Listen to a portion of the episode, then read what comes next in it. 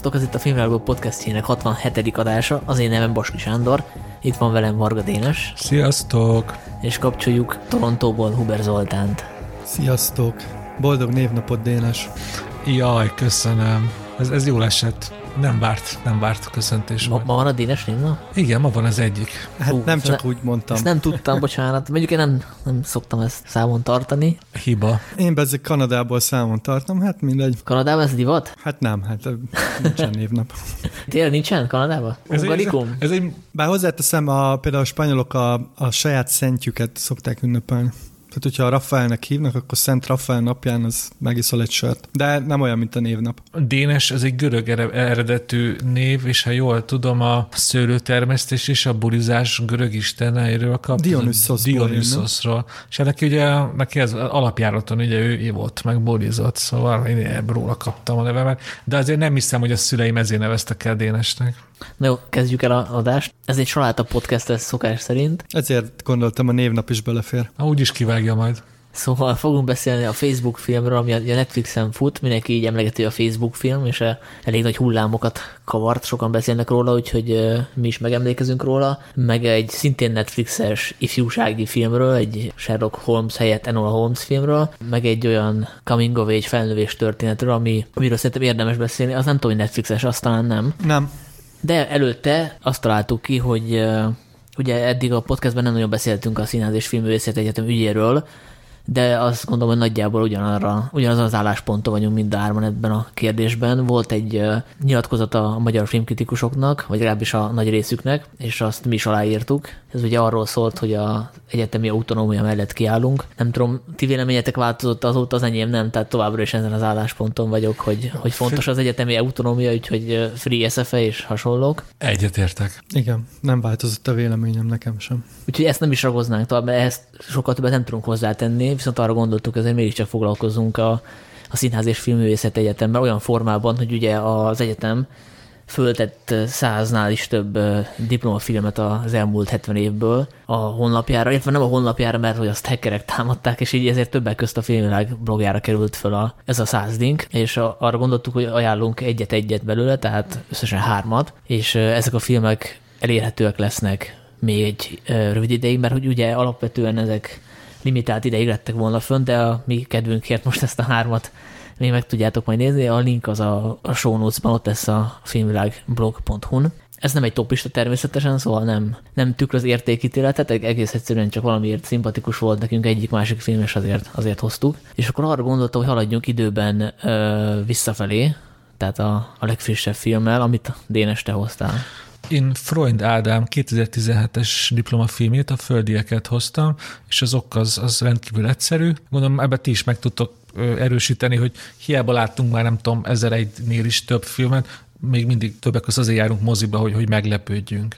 És nekem emlékszem, amikor először láttam ezt a rövid filmet, nekem így, így tényleg így, így, így, így kategorikusan leesett az állam, mert nem sose hittem volna, hogy az történik majd meg benne, amit látok. És ezért tényleg csak a legelőről szeretnék beszélni, és nem akarok semmiféle point lelőni, főleg így, hogy ti is láthatjátok.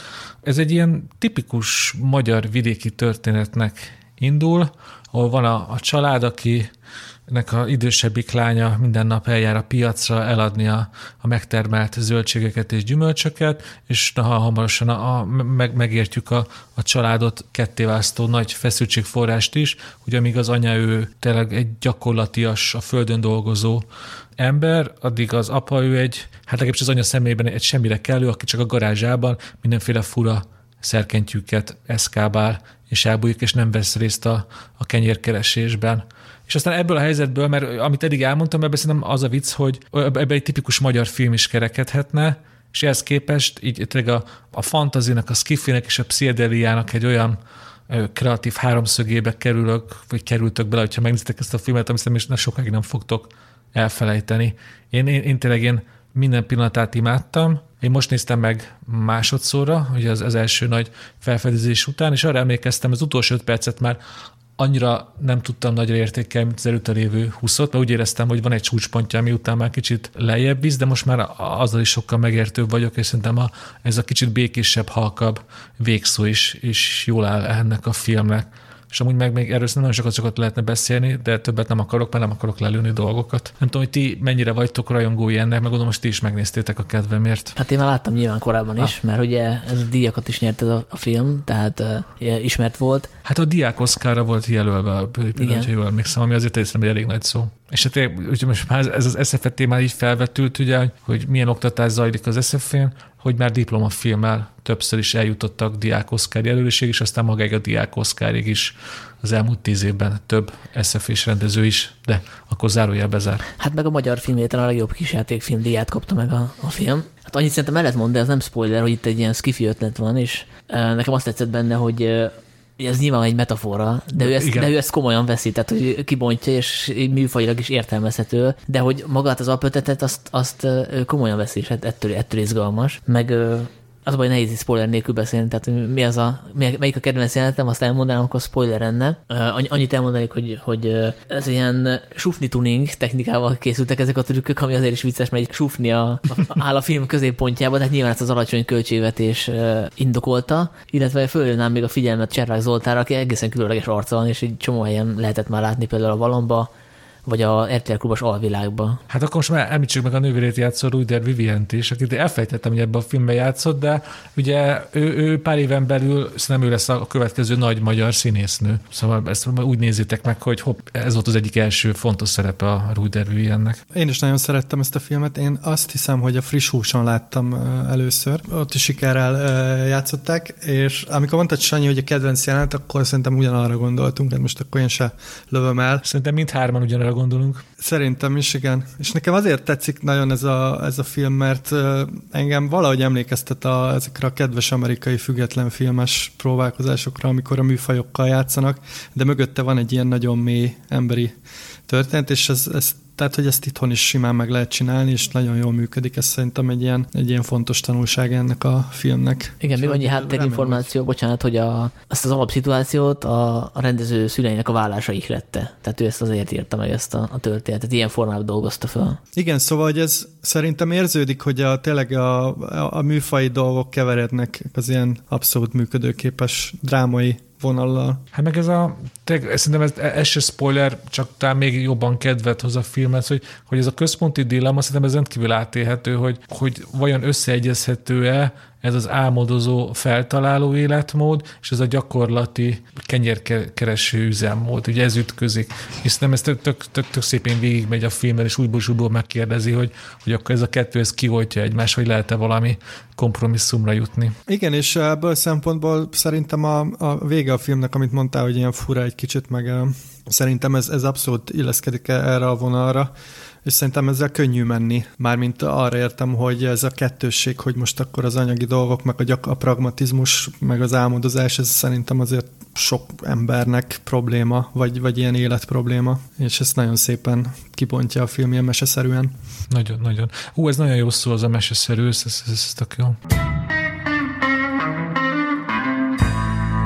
Zoli, akkor szerintem térjünk át a te filmedre. Azért hoztam ezt a filmet, amellett, hogy jó, mert ez nagyon aktuális is, és hát nyilván véletlenül aktuális. Ez Kocsis Ágnesnek a Vírus című kisfilmje, ami címének megfelelően gyakorlatilag egy virológus hát nem tudom, megfertőződését és gyógyulását követi végig.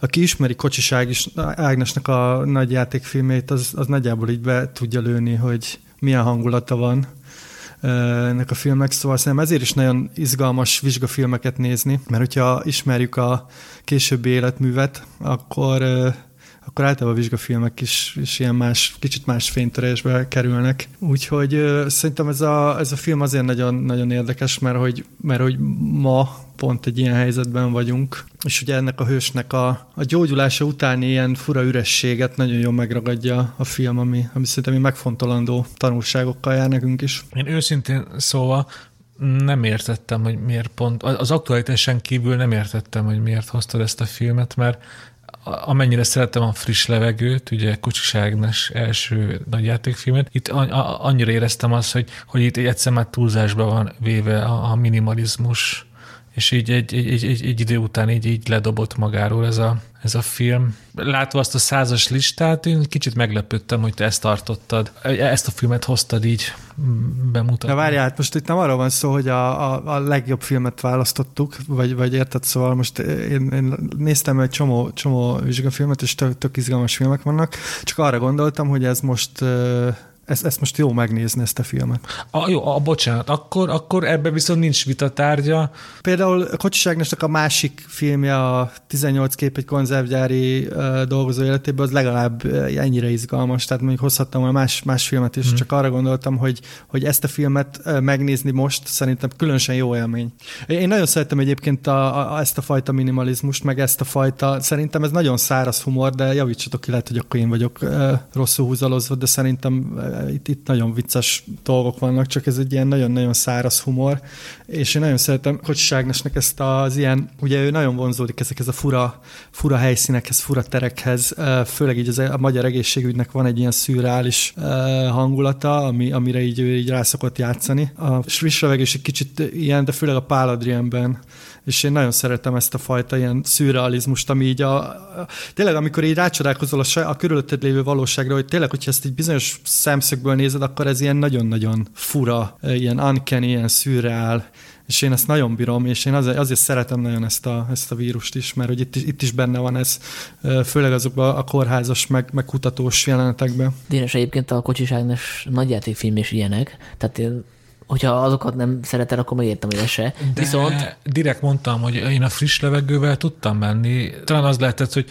hogy ott, ott jobban tetszett az a stilizált világ, hogy megvoltak azok a színes szobák, hogy a két karakternek ahol elbújhatnak, és maga a dinamika az anya és a lányok között a sokkal jobban megérintett, mint ez a virológus, de ez most egy elég... És a, bocsánat, és a Pál Adrián, mert ő szerintem ahhoz áll ez a film között. Igen, azt hiszem már meg nem néztem meg.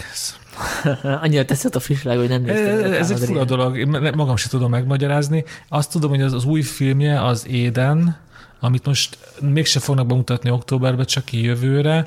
Szerintem talán az, annak lehet mondani a legtöbb köze a, a vírushoz, mert annak a főszereplője egy olyan nő, aki ha jól tudom, mindenre allergiás, ezért szkafanderbe kell mozogni a világban.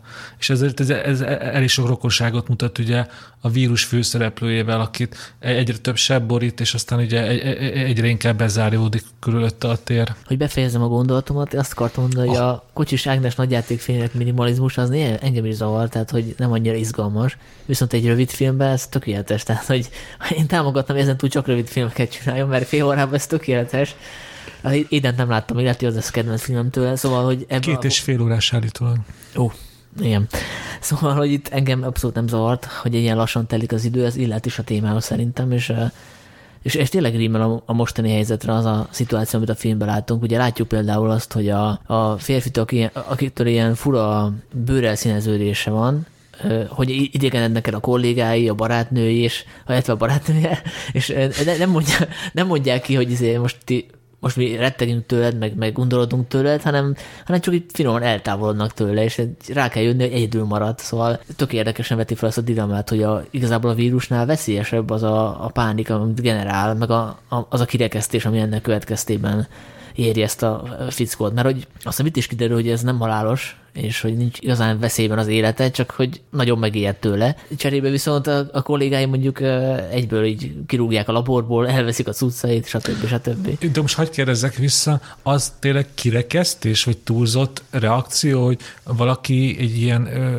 vírusokkal dolgozik, hazamegy, és egyre több ilyen undorító kelés van a bőrén, akkor te szeretnél vele egy légtérben tartózkodni? Persze, jogos a, a félelem, meg a, az az ismeretettől való félelem. Nekem igen. az nem tetszett, ahogy a, a barátnője nem mondja el, hogy figyelj, most, mert ugye valami olyasmit mondta, hogy elmegyek a anyámhoz, mert valami beteg, vagy valami. Ah, az valami kamudón. kapott, és ápolni Persze, kell. tehát hogy nincs egyenes kommunikáció. Ebbe igazad van, igen. Ráadásul szerintem az is fontos a filmben, hogy ugye ő jól érzi magát. Tehát azon kívül, hogy ilyen undorító piros lesz a bőre, ugye mindig elmondja, hogy ő itt tök jól van. Neki semmiféle ilyen, nem tudom, ilyen tünetei, tehát nem érzi rosszul magát. Igen. És tényleg ez szerintem fontos, amit mondasz, Sanyi, mert hogy ugye még a kollégái is csak ilyeneket mondanak neki, hogy hát, hogy így jobb lenne, hogyha nem jönnél be, tehát, hogy persze tök érthető az egész, csak hogy így ö, tényleg egy kicsit bizarr.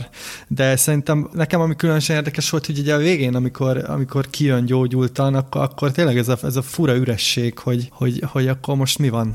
Mert hogy tényleg ilyen könnyen így ö, romba dőlhet az életed? Vagy, vagy hogy így lenulláznak. Szóval ez szerintem tényleg aktuális. Ezt tetszik. Most Zoli, hogy így most beszélgettünk a filmben, most egy kicsit jobban tetszik. Most, hogy így megmagyaráztatok Meg nem tudom, nekem. amikor ott fekszik abba, abba a buborékba, és akkor ilyen benyúlnak az orvosok, és akkor megy, mennek ezek a fura ilyen pittyegések, hát szerintem az vicces. Vagy, vagy lehet, hogy velem van a baj, de hogy nekem az olyan, olyan, olyan annyira ilyen groteszk, bizarr valami. Szerintem is vicces, nem, nem veled vele a baj. Tök, tök, jó ezt így nézni, szóval nekem ne, én nem érzem ezt lassúnak. Értem, velem van a baj, értem.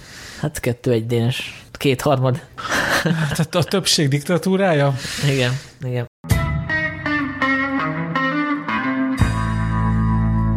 Ha már diktatúra, akkor áttérünk az én filmemre. Mert hogy ez egy,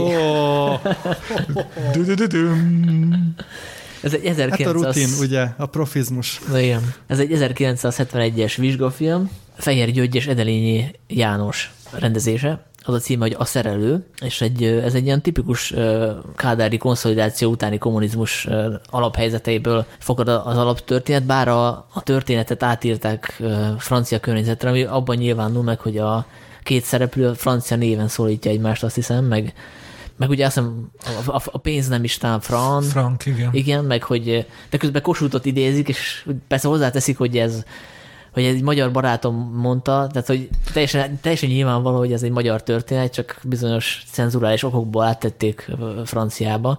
De hát ez attól függetlenül egy tipikus egy ilyen kommunista történet, hogy a, van egy telefonszerelő, aki behatol egy híres író lakásába, ott a, megburálja a telefont, és közben rajta kapja az író, és ahelyett, hogy tagadná, hogy mit keres ott, nyíltan ugye kvázi közli, hogy neki most az a feladata, hogy itt a kordában tartja az író, tehát ez egy ilyen kafkai csavar, ahelyett, hogy most hímezne, hámozna. Persze nyilván valami, valami Hát blöföt, blöföt mond, de mind a ketten tudják. virágnyelven azért, de igen, elismeri. Igen, és itt az a csavar, hogy gyakorlatilag rátelepszik az író életére, visszajön, újra megszerű a telefont, amiről mind a ketten tudják, hogy teljesen rendben van. Itt ugye az az izgalmas, hogy a két szereplő van csak, tehát ez egy ilyen kamara drámai szituáció, az egyik a szerelőt a Hauman Péter alakítja, a, a férfit pedig a, a Gábor Miklós, és uh, itt azt a szituációt látjuk, amikor van egy embere a hatalomnak, aki maga is szeretne, neki is vannak ilyen írói, művészi ambíciói, de tudja magáról, hogy tehetségtelen,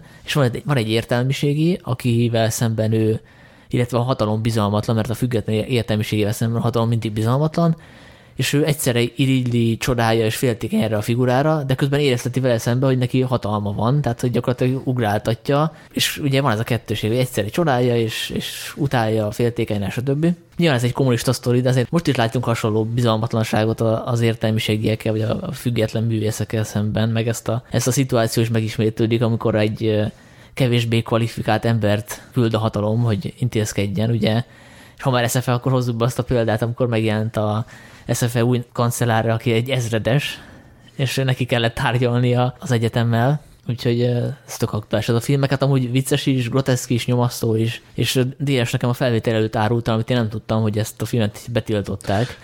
Ez, ez egy fu- fura helyen lehetem erre a kis trivia, az IMDb-n írják, hogy, hogy ugye 1971-es a film, és több mint 20 évig be volt tiltva. Ami azért szerintem Ez egy teljesítmény, egy, egy vizsgafilmt egybe betiltják, de ez- erős, erős kezdés. erős kezdés, de olyan értelemben érthető, mert ugye, hát, hogy, hogy ugye a 60-as, 70-es években ugye káderi konszolidáció, lehetett kritizálni a rendszert, de ugye voltak ezek az úgynevezett parabola filmek, amikor nem tudom, ilyen történelmi korszakba raktak bizonyos történeteket, mondjuk Jancsó, mondjuk a, a 48-as, 49-es szabadságharc leverése a szegény legényekbe, azt mindenki megnézte, és mindenki értette, hogy ez úgy van kódolva, hogy ez valójában ugye a kommunizmusról szól.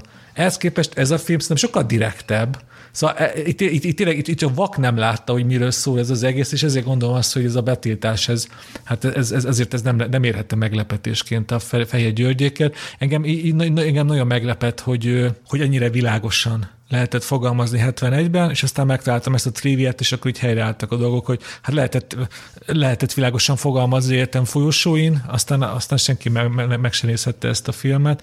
számomra ez egy tökéletes összesültett ilyen összegzése annak, hogy, hogy hogyan működik egy, egy puha diktatúra, hogy, hogy nincs erőszak, nincsenek, nincsenek kivégzések, mint Rákosi alatt, hanem vannak ezek az undorító ügynökök, akik belemásznak az életedbe, és ilyen mézes-mázosan, néha ilyen, ilyen finom erőszakkal, ilyen verbes erőszakkal, de mindig elérik azt, amit akarják. És tényleg, hogy ma a történelmi órákon szerintem simán lehetne levetíteni, hogy, hogy így megértetni egy mai fiatal, hogy hogy működött a Kádár korszak. Szerintem arra ez a film tökéletes, mert, mert mai szemmel is vicc, vicces, humoros, tök jók a színészek, tök jók a párbeszédek, és mellesleg még történelmi jelentősége is van. Azt jól értettem, hogy a szerelő, ugye, aki nyilván nem szerelő, hanem ilyen tartótészerűség, hát, ő a, ügynek, igen. a jelentés, amit erről a figuráról kellett volna írnia, azt a, az íróval íratta meg. Pontosan. És, de, és a, a végső csavar az, hogy, hogy na jó, akkor már nem spoilerezek, de tényleg igen, amit mondtál. És, és amúgy ugye szoktuk mondani, hogy ezek milyen, milyen frappánsak ezek a Marvel filmek, hogy a,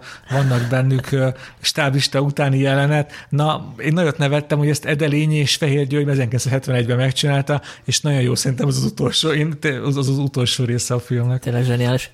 Zoli, mondd hogy te utáltad ezt a filmet, és akkor lesz egy vita. Hát sajnos nem, nem utáltam. A vicces, amit mondtatok, mert hogy uh, én csak lestem, hogy ilyen mondatok 71-ben elhangzottak filmben, aztán én is rákerestem, mert biztos volt, biztosra vettem, hogy ezt betiltották. Főleg az utolsó van, a, van, amikor mondja, hogy milyen, milyen fura, hogy 15 fok van most februárban, és akkor mondja, hogy hát, de majd az igazi tavasznál meg lesz a böltje. Na most ez egyértelműen a kádári, ugye 68-ban elindult itthon is az új gazdasági mechanizmus, volt egy ilyen kis reform, mocska, amit ugye kb. ekkor vissza, vissza is csináltak. Tehát ez olyan direkten szól erről, hogy hát volt itt egy kis 15 fok, de hát azért majd az igazi tavasznál meg lesz a bőtje.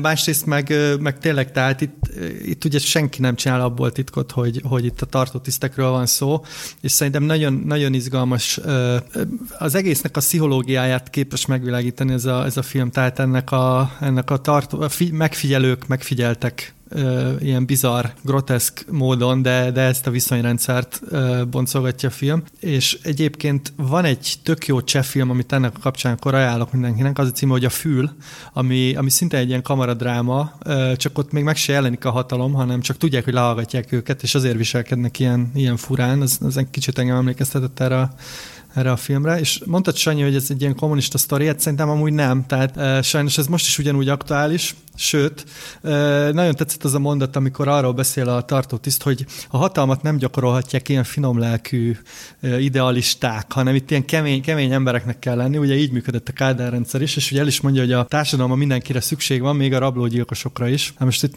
szóval szerintem értjük, hogy, hogy ez miért aktuális, talán még most is. Amúgy ne, nekem a film közben volt egy ilyen tök izgalmas értelmezésem, hogy ezt akár úgy is lehet nézni ezt a filmet, hogy a, hogy a szerelő, az ügynök, az valójában csak az író fejében létezik, és itt azt látjuk, hogy hogy működik az öncenzúra hogy van, van, egy, van, egy, van egy puha diktatúra, és már maga az író a saját fejében lejátsza azt, hogy őt neki mit szabad és mit nem. És hogyha így nézzük a filmet, akkor még inkább működhet ez a 2020-as állapotokra. A nyilvánvalóan nem megy be egy íróhoz, egy, egy, egy ügynök, és megmondja neki, hogy hát az a mondat egy kicsit erős, ha kicsit átírnád, de a fejében ezek a, ezek a párbeszédek simán lejátszhat, lejátszhatódnak ő egy magyar értelmiségnek most 2020-ban is. És akkor most egy, az SZF-hez megint vissza lehet mm. hogy hogyan nyilatkozzon egy ember az SZF-vel kapcsolatban, hogy aztán ne legyen baja belőle. Ja, nekem eszembe se jutott, de tök jó értelmezés, mert ha így veszük, akkor, akkor van értelme az, hogy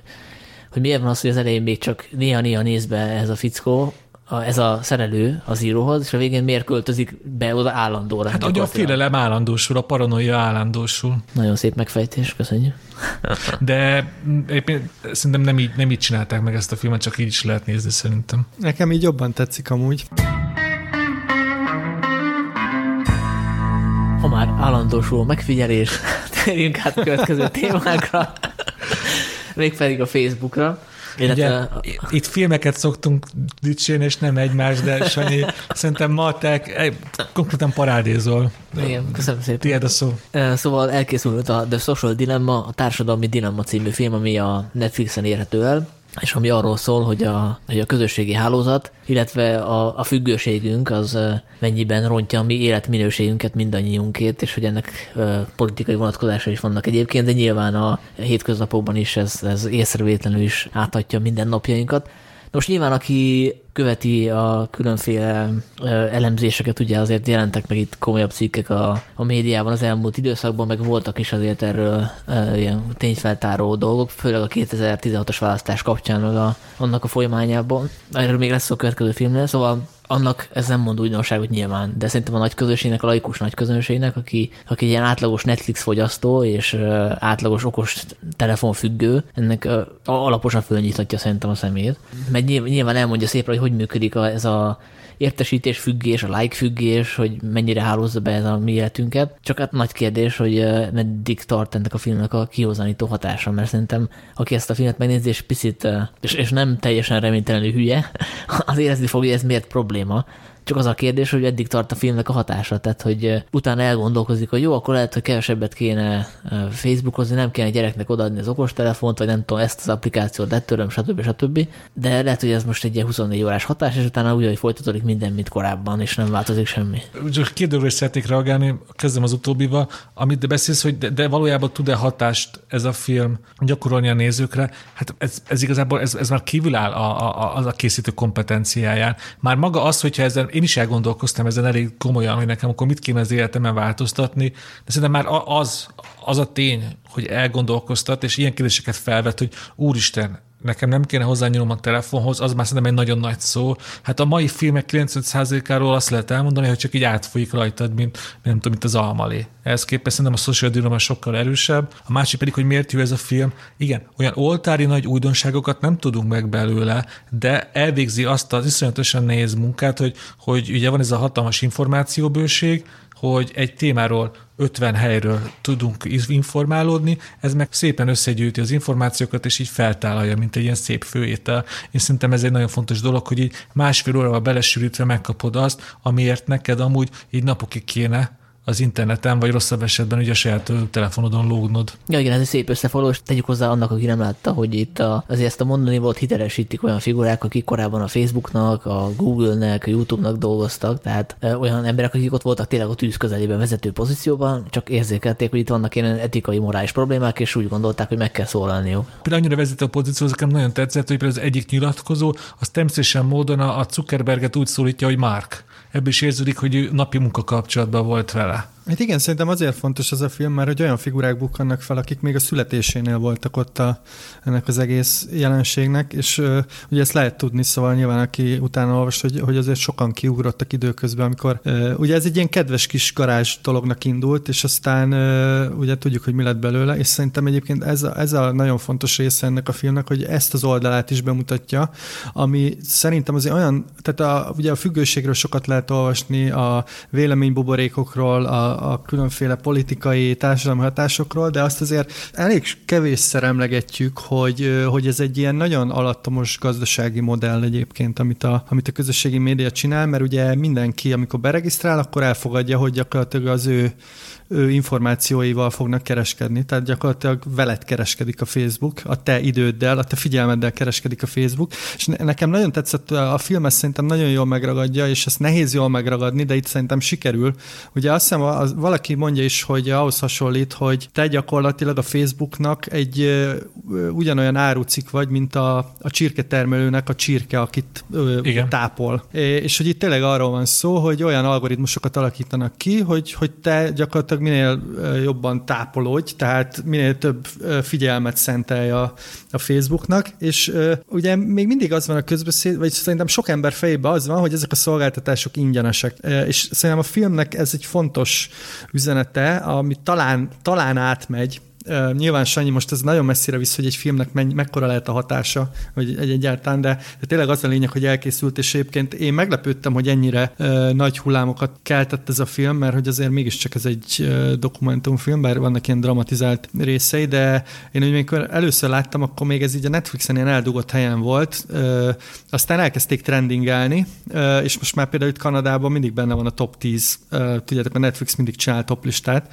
uh, szóval ez szerintem egy nagy nagyon pozitív dolog, úgyhogy van hatása. És ha átmegy ez, csak ez önmagában ez az üzenet, hogy ez nem egy ingyenes szolgáltatás, amit ilyen jó fejségből csinál neked a Facebook, mert, mert, ez milyen jó, hanem, hanem téged adnak el, akkor szerintem már, már lehet valami hatása, mert hogy az egész úgy korrigálható, hogyha te, mint fogyasztó fellépsz az ellen. Tehát ezt ilyen felső utasításra, meg ilyen kormány beavatkozásokkal lehet így szabályozgatni, de nyilván a, a mindenkori felhasználónak kell fellépni. És hogyha te mondod, hogy ez neked nem tetszik, akkor, akkor változhat a dolog.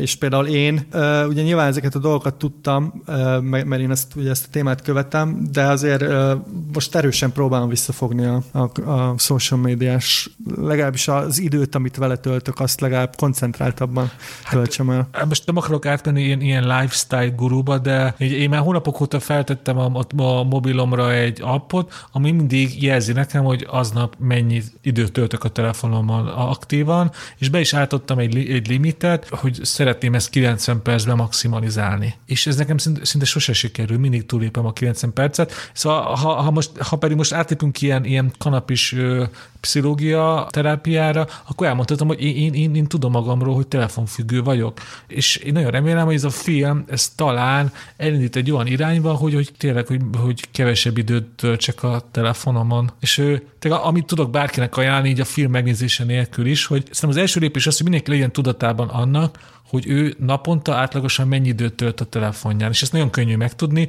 csak egy appot kell telepíteni és az mindig meg fogja neked mondani. És ha ezzel a számmal szembesülünk, szerintem ez akár ez egy jó kezdőlökés lehet, mert ha valaki abba belegondol, hogy ő napi két és fél órát tölt a telefonján, akkor a következő kérdés az, hogy az hogy lehet, mert az ember nem érzi ennyinek, és ebből a filmből kiderül, hogy miért nem érzi ennyinek. Hogy egy nagyon szép pszichológiai háttere vannak, hogy, hogy hogyan von be és tart ott téged a telefon előtt, és ezt nekem nagyon jó volt látni, hogy így kicsit én kívülálló módon tudtam magamra nézni, hogy ez a rendszer, ez, ez hát én most nem akarom magamat én sajnáltatni, de hogy ez a rendszer hogyan teszi a fogjává a, a felhasználóit. És ez, szerintem ez egy nagyon fontos, hogy lássuk kicsit kívülről magunkat, és ebben ez a film szerintem tökre segít. Attila, amit az Oli is mondott, ugye ez a fő kulcsmondat, hogy a, ha valami ingyen van, akkor te vagy az áru, és egyébként ez nem csak a, a közösségi média világában érvényes, hanem bármi, bármilyen más tekintetben is. Tehát ugye régen voltak egy ilyen termékbemutatók, amik ingyenes, ingyenes ilyen koncertekhez, meg előadásokhoz kötötték hozzá, és a végén mindig az volt, hogy próbáltam neked valamit eladni. Tehát, hogy nyilván e, ez így működik. Úgyhogy én ezt a filmet kötelező tananyagát tenném a középiskolákban, vagy hát nem tudom. Sőt, általános iskolában talán még korai. De nem, nem, de, de nem, ez egy nyolcadik osztályos. Ez, ez felső tagozat számomra. Igen, meg hát a szülőknek nyilván. Igen. Mert ugye, ugye a filmből az is kiderül, hogy ezt, egy pszichológus mondja, vagy pszichiáter, hogy, hogy a, a legveszélyeztettebbek azok a felső tagozatosak. Rájuk hathat a legerősebben ez a, ez, ez, ez a social médiának ez a túlszépített világa. Szóval velük kéne ezt minél jobban elültetni bennük, hogy érezzék ennek a veszélyeit. Ezért gondolom, hogy ezt a felső tagozatban kéne megnézni. Egyébként van a filmben egy figura, aki azt javasolja, hogy mindenki törölje le magát ezekről az oldalakról. Na most én azt gondolom, hogy ez, ez irreális, tehát nyilvánvalóan ez nem fog működni, már csak azért sem, mert sokaknak a Facebook például munkaeszköz, mint nekem is, tehát ezt nem tehetik meg, hogy letörlik magukat onnan. Viszont amit érdemes megcsinálni, én a, például fel vagyok a Twitteren, és azt csináltam meg, hogy a telefonomról letöröltem a Twittert, mert hogy igazából tök fölösleges, hogy a hogy menet közben tudjak tweeteket küldeni. Cserébe viszont kapom az értesítéseket akkor is, hogyha ha éppen nem voltam fönn napok óta. Ugye azt a rendszer érzékeli, és ezért küld egy értesítést, hogy a XY ismerősöm most mit tweetelt. Nekem valami teljesen érdektelen dolgot, de hát az a lényeg a, a, a Twitternek, meg a, a telefonomnak is, hogy, hogy kézbe vegyem 15 perc tétlenség után, és megnézem, és teljesen érdektelen információ feldarabolja a figyelmemet, hogy ne tudja koncentrálni Igen. egy rövid időre se. És ugye a Facebook is ezt csinálja, a Facebook alkalmazás is, tehát legszívesebben a Facebookot is letörölném a, a telefonomról, csak ugye ezt nem tehetem meg, mert bőven elég lenne a Messenger a, a telefonomon, nem, nem, nem nem szükség a Facebookra. Szóval, hogy inkább azt kéne tudatosítani az emberekkel, hogy ha már nem tudjátok, nem tudtok Facebook nélkül élni, akkor legalább az értesítéseket próbáljátok limitálni. Igen, ez és, és letiltani a, az összes ilyen értesítést. Ö, én egyébként ezt sem, Sanyi, nekem a mobilomon ki van kapcsolva mindenfajta értesítést, tehát csak SMS-t és nyilván a telefonhívást kapom meg, ami e- először nagyon idegesített, mert hogy, hogy úgy éreztem, ugye az egésznek szerintem a, a lényege, hogy folyamatosan fomód van, tehát folyamatosan azt hogy valamiről lemaradsz, ami ez valahol abszolút, ha belegondoltok, mert nyilván nem maradsz a semmiről, és erre így át lehet állni. De egyébként szerintem maga, maga ez az egész téma messzebbre visz, tehát tényleg ennek van egy ilyen mély pszichológiai háttere, és egyébként van egy nagyon érdekes könyv, aminek az a címe, hogy How to do nothing, ezt a, nem jut eszembe, Sherry Tucker nevű ilyen életmód guru írta, hogy, hogy meg kell tanulni egyszerűen nem csinálni semmit, hanem meg kell tanulni egy kicsit bambulni, egy kicsit semmit tenni, mert hogy folyamatosan ilyen bombáz téged az információ, és, és tényleg szükség, szüksége van az emberi agynak egy kis ilyen teljes céltalanságra, és hogyha ezt így be tudod építeni a napodba, akkor, akkor, akkor szerintem vissza tudod szorítani a, ezt, a, ezt, a, ezt a tényleg, ez, ez tényleg az a jó szó egy függőség, és ezt, ezt kell tudatosítani, hogy, hogy ezt keretek közé lehet szorítani, szóval szerintem a film se állítja azt, hogy ez alapvetően rossz, vagy alapvetően káros, csak, csak azt mondja, hogy a rendszer maga úgy van megkrálva, hogy, hogy, hogy te függő leszel, és minél többet kér tőled, minél több figyelmet kér tőled, és te azért vissza tudod venni az irányítást. Tehát ö, szerintem is azért fontos ezt a filmet, azért lenne ezt a fontos ezt a filmet kötelezővé tenni, vagy, vagy legalábbis így nagyon széles körbe vetíteni, mert hogyha már ezt így végig gondolja valaki, akkor, akkor valószínűleg uh, tudja a számára jó megoldásokat hozni.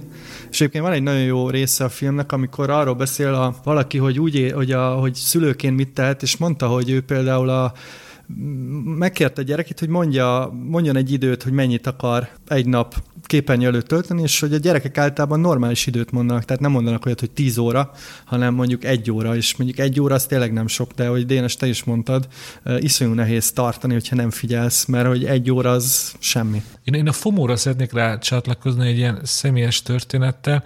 Én múlt héten pár napra elmentem kirándulni a bükkbe, ilyen, ilyen turistázakba, meg egy kis faluba szálltam meg, és csomószor volt az, hogy, hogy nem volt térerőm, és csak itt sétáltam. És tényleg, a, a, amit a Zoli mondott, hogy, hogy egyrészt le, lekapcsolódni erről a rendszerről, nincs ez bennem ez az állandó gondolat, hogy hú, nekem tudnom kell, hogy épp mi folyik a világban, másrészt tudtam végre bambulni, és így hosszú távon vagy elengedni a gondolataimat, vagy valamiben nagyon elmerülni, és ettől én teljesen feltöltődtem. Másrészt ez egy olyan érzés volt, amit úgy éreztem, mintha valami exotikum lenne, amit már rég nem éreztem. És ez tök érdekes volt, hogy, hogy ami nem tudom, egy, egy 19. században egy teljesen természetes, unalmas dolog volt, hogy valaki napokon keresztül próbált nem tudom, mi verset megírni, az nekünk már egy ilyen luxus, egy exotikum. És ez, ez tényleg így feltöltött konkrétan. És a csúcspont az volt, ahol tényleg megéreztem, hogy mennyire függő vagyok, hogy az utolsó napon pont egy olyan szálláson volt, ahol tényleg a szálláson sem volt térerő, és a környező dombokon sem, szóval és oda el sem tudtam menni.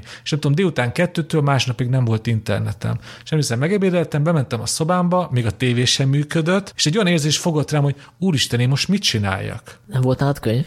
És, és képzétek el, ez történt, én már évek óta nem olvastam olyan sokat, mint aznap délután meg este. Nagyon érdekes érzés volt, hogy, hogy, hogy csak úgy, mint régen gyerekként ültem, olvastam, olvastam, olvastam. És ez nagyon-nagyon üdítő dolog volt. És azt, hogy tényleg, hogy függő voltam, ott nagyon rájöttem, mert viccesen hangzik, másnap ugye kinéztem egy túra útvonalat, és láttam, hogy hol van az első ilyen nagyobb tisztás, egy emelkedő. És már direkt azon fantáziáltam, hogy hopp, ott már biztos lesz megint térerő. De képzétek el, és odaértem, és volt, visszajött, és igazából most akarok visszacsatlakozni a, Zolira, hogy ez, hogy ez milyen ilyen mesterséges dolog, ez a FOMO, és mennyire nevetséges, hogy, ő, hogy elkezdtem olvasgatni mondjuk az elmúlt 16 óra üzeneteit, leveleit, és rájöttem arra, hogy igazából kurvára semmiből nem maradtam ki, hogy én, amit otthon a buszon, meg bárhol négy óránként ránézek, hogy mi van, azt egyszer 16 órán ö, múlva egyszerre lepörgettem, és csak így megvontam a vállamat, hogy úristen, ebből maradtam ki. Hát azért kimaradtál egy csomó poénból, amit Sanyival Ez, ez egy... igen, igen, ebben igazad van, de, de végső soron nem maradtam ki, hanem 16 óraval később egy huzamba el tudtam olvasni. Ez, nem, ez, ez a legfontosabb tanulsága talán az egésznek, hogy hogyha nem nézel rá a telefonra negyed óraként, igazából nem maradsz ki semmiből, mert majd nem tudom, este el tud olvasni az egészet úgy is, ha neked az fontos. Na jó, de sokak számára ezek az értesítések Szóval ezek az értesítések ilyen drogként funkcionálnak. Tehát Persze, ha, nekem is. Tehát, hogy az, az, az, az, nem ugyanaz egyszerre befogadni egy, nem tudom, egy óriási adag heroint, mint mondjuk 10 másodperceként, vagy nem tudom, fél percenként kapni ezt a endorfin dózis, mert hogy ezt jelenti azt, amikor látod azt, hogy a posztolat lájkolják az Instagramon, és megnézed, hogy érkezett megint egy like, érkezett megint egy like, megnézhetnél a nap végén is, és akkor látnád, hogy érkezett 30 like, de az nem ugyanaz az érzés, mint amikor látod folyamatában, hogy érkeznek a lájkok. Tehát ez, ez, egy, ez egy függőség. Ami, hogy visszacsatoljak a dokumentumfilmre, direkt így van kialakítva. Ezt ők pontosan tudják, ugye ezt ott pszichológusok meg önök rakják össze, hogy tudják, hogy milyennek az, az egésznek az értelme. Egyenként kapod a lájkodat, ez, ez tök, nekem nagyon tetszett ez a filmben, hogy kapsz egy ilyen elégedettségérzést, attól, hogy kapsz egymás után 30 lájkot, ami, ezt az, ezt az elégedettségérzés ez nagyon hamar elillan, és újból akarod ezt az érzést, és hopp, már is függő vagy, és úgy csinálod az Instagramodot, a Facebookot, hogy megint kapjál minimum ennyi lájkot. Ugye, ha most nem tudom, megnézzünk egy, egy, egy drogosokról szóló filmet, nem tudom, a 90-es évekből, nagyon-nagyon gyanúsan ugyanezt a folyamatot látjuk, csak nem tudom, egy edinborói WC-ben van exponálva, és nem egy, egy tini meg a telefonja kapcsolatában. De igazából tényleg, ahogy ti is mondjátok, ugyanaz a pszichológia, ugyanaz a metódus, és szerintem ez egy nagyon szörnyű dolog. Én most olyan fura helyzetben vagyok az időeltódás miatt, ugye amikor felkelek olyan reggel kilenckor, ö, az ugye délután három nektek, és én nagyon sok ö, ilyen üzenetet egyben kapok meg ugye, ami reggel óta, mert nálatok reggel óta telik, és ez az elején nagyon fura volt, mert hogy tényleg arra van szó, hogy itt folyamatosan kapod ezeket az ingereket, most viszont én így a reggeli kávém mellett szoktam ezt így átböngészni, és, és teljesen más hangulata van az egésznek. Úgyhogy ajánlom mindenkinek, hogy próbálja ki, hogy, hogy tényleg így 4, 5, 6, 7, 8 órára kapcsolja ki, és aztán meglátja, hogy nincsen semmi olyasmi, amiről így lemarad, legalábbis nagyon extrém példákat tudok elképzelni, amikor tényleg lemaradsz valamiről, de Na jó, de mi már igazából felnőttek vagyunk, vannak kialakult kapcsolataink, tehát nem fenyeget az a veszély, hogyha mondjuk nem válaszolok a ti üzeneteitekre 24-en keresztül, akkor ti megsértődtök és nem álltok velem szóba.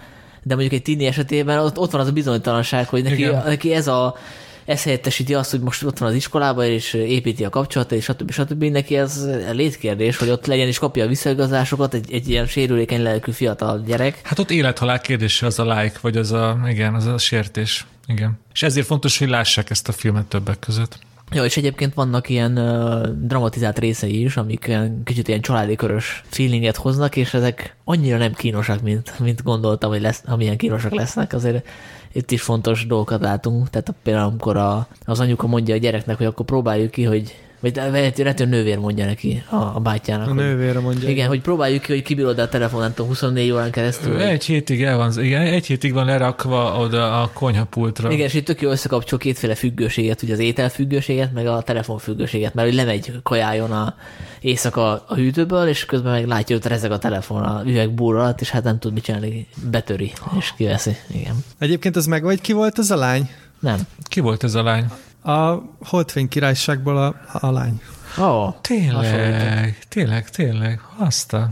Igen, és ugye azzal ér véget a film, hogy, hogy ez a srác belesodródik valamilyen Hát ilyen szélsőséges... szélsőséges csoportba, igen, és ez úgy történik meg, hogy elkezd valamilyen kontentet böggészni, és és az algoritmus érzékelj őt, ez valamiért izgatja, és csak ilyen ö, filmeket, videókat dob föl neki, és ezáltal bekerül egy ilyen buborékba, ami szintén egy veszélye a közösségi hálónak, és erről szól egy másik Netflixes film, ami azt hiszem tavaly előtti talán, az a címe, hogy a Cambridge Analytica Story, The Great Hack, és akinek tetszett a, ez a Facebook film, annak ajánlom ezt a másik Facebook filmet is, ami a politikai vonatkozásokon koncentrál, mert hogy a, a társadalmi dilemmából szerintem direkt hagyták ki ez, ezeket a politikai vonatkozásokat, csak így említés szintjén van benne. Szóval benne vannak. Benne, azért- mert, hogy- mert, mert, mert, hogy sokakat az nagy politika annyira nem érdekel, tehát hogy, hogy a Trump, meg a Brexit, meg hasonlók, az, az szűkebb réteget érint, és nekik való ez a, ez a másik film, a, a Cambridge Analytica Story, mely azt meséli el, hogy a 2016-os választáson ugye a Trump sikeréhez hozzá, hogyan járultak hozzá a Facebookról lelopott adatok, amiket a, ez a cég felhasznált, illetve a Brexit kampányban is közel működtek a, a, a távozás melletti szavazatot erősítették, és hát ez eléggé szürke zóna, hogy, a, hogy ezeket a azt, azt hiszem, ilyen különféle ilyen kvízeket kellett kitölteni a Facebook felhasználóknak, és így szerezték meg az adataikat. De nem csak annak, aki kitöltötte ezeket a kvízeket, hanem az összes ismerősének is, mert az applikáció engedélyt kért, hogy az ismerősei adataihoz is hozzájuttasson, és és ezáltal több millió, vagy nem tudom, több százmillió ember adatához jutottak hozzá. És ráadásul ilyen, ilyen brutális profilozást csináltak, tehát ilyen, nem is tudom, több száz adatpont tehát tudjátok, hogy, hogy milyen ismérvek szerint kategorizálnak valakit, és ez egy ilyen, ez ilyen rendkívül kifinomult módszer volt, és egyébként nekem a, ebbe a Great Hackbe tetszik az a vonulat is, Sanyi, szerintem azt is érdemes megemlíteni, hogy van egy főszereplő lány, aki így gyakorlatilag tényleg belesodródik ebbe, és, és az ő, ő sorsán keresztül tök jól lehet látni, hogy, hogy mennyire mennyire szélsőséges irányba tud ez, ez elmenni. Igen, ő már az Obama kampányban is részt vett 2007-8-ban, akkor szerintem olyan 20 éves lehetett, vagy nem, nem idősebb. Körülbelül, igen. És akkor onnan, onnan sodrodott át ebbe a, a másik táborba. Tehát már az, az Obama kampány is próbálta ezt a ezt a hálózatépítést, csak ők még ilyen old school módszereket, tehát hogy becsöngetés, stb. stb. az még a Facebook felfutása előtt volt. És ugye itt van egy érdekes kérdés, amit a film nem vett föl, hogy uh, akkor is ekkora botrány lett volna ebből a Cambridge Analytica sztoriból, hogyha nem a Trump kampány ezt segítik, hanem mondjuk a Hillary Clintonét. Mert hogy etikailag ugyanolyan problémás lett volna, de nem tudom, hogy akkor is egy uh, ekkora botrányt kavart volna. Bocsánat, ugye csak, én csak a társadalmi a social dilemát láttam, de számomra még az a film is, ami csak érintőlegesen mutatja be a politikai dimenziót, az is például jobban segített megérteni azt, hogy, hogy hozok egy teljesen aktuális ügyet. Ugye ma Magyarországon a, a legfőbb közéleti kérdés az, hogy jó-e az, hogyha érzékenyítő, néha homoszexuális tartalmat tartalmazó meséket olvasunk gyerekeknek. Ugye egész onnan indult, hogy egy mi hazánkos képviselő ugye ledarált egy ilyen mesekönyvet. Itt teljes agyrém az egész, de az, hogy ez így elterjedhetett, és most tényleg a közélet erről a kérdésről szól már egy hete, ez csak egy olyan világban történtett meg, amilyen a miénk, hogy a social médiában tényleg ilyen, ilyen 24 óra alatt így végig, végig ki lehet pörgetni egy ilyen témát, és mindenkihez el lehet juttatni. És ugye ez nem véletlenül történt, ugye erre így kommunikációs emberek is tőke áll a mögött, hogy egy ilyen témákból egy egész országon átívelő dolog legyen, ami fel van építve. Szóval, hogyha ezt egy kicsit hátralépünk is látjuk, ez is egy rettentes dolog, hogy egy olyan ügyből, ami nem tudom, hogy 20-30 éve megért volna, nem tudom, 3-4 véleménycikket a nyomtatott sajtóban, azzal most napok óta foglalkozunk, és a, például ma is egy, ma, ma, ma, ma, konkrétan egy újabb mesekönyvet darált le a Dúródóra. Szóval észreszedett, hogy hol tartunk szerintem, hogy, hogy, hogy, hogy mesekönyvek miatt esnek egymásnak emberek, vitatkoznak a Facebookon, rosszabb esetben a boltban sorban állva. És akkor itt megemlíthetjük a Lengyel Héter című filmet, ahol ugye pontosan egy ilyen cég van, aki generálja ezeket a igen, kettő vagy három ezelőtti podcastben foglalkoztunk, ugye, ahol a nyári filmeket vettük sorra. Tehát ebbe, ebbe a filmben is azt látjuk, hogy uh, hogyan kreálják a különféle targetált hirdetéseket, tehát hogy a, a Facebook képes arra, hogy, hogy mindenki személyre szabott hirdetéseket adjon. Tehát aki mondjuk Texasban él, és nagyon szereti látni az amerikai zászlót, arra izgul föl, akkor az ő, ő olyan hirdetést kap, amin ott lobog az amerikai zászló, aki meg az ország másik felében él, az másfajta hirdetést kap. Igen, ez is nagyon fontos, hogy, hogy bocsánat, de az aktuális témán, csak ez tök szemletesen bemutatja, hogy ezt, a, ezt elmondják a dokumentumfilmben is, hogy, hogy ezt nem hajlamosak elfelejteni, hogy, hogy ők, amit a Facebookon olvasnak, a másik ember, aki a Facebookon van, az rohadtul nem biztos, hogy azt fogja olvasni, mert mindenkinek egy személyre szabott fala van. Ez azt jelenti, hogy én elolvasom a falamat, és a, csak azt az üzenetet fogom róla megkapni, hogy mekkora egy idióta ez a Duro Dora, aki náci időket idézve darál le könyveket, és próbál meg betiltani nyomtatott tartalmat. De a mellettem ülő ember a buszon, ugyanerről az ügyről, csak egy teljesen más fénytörésben kap híreket, mert a Facebook, és ez is nagyon fontos, hogy a Facebook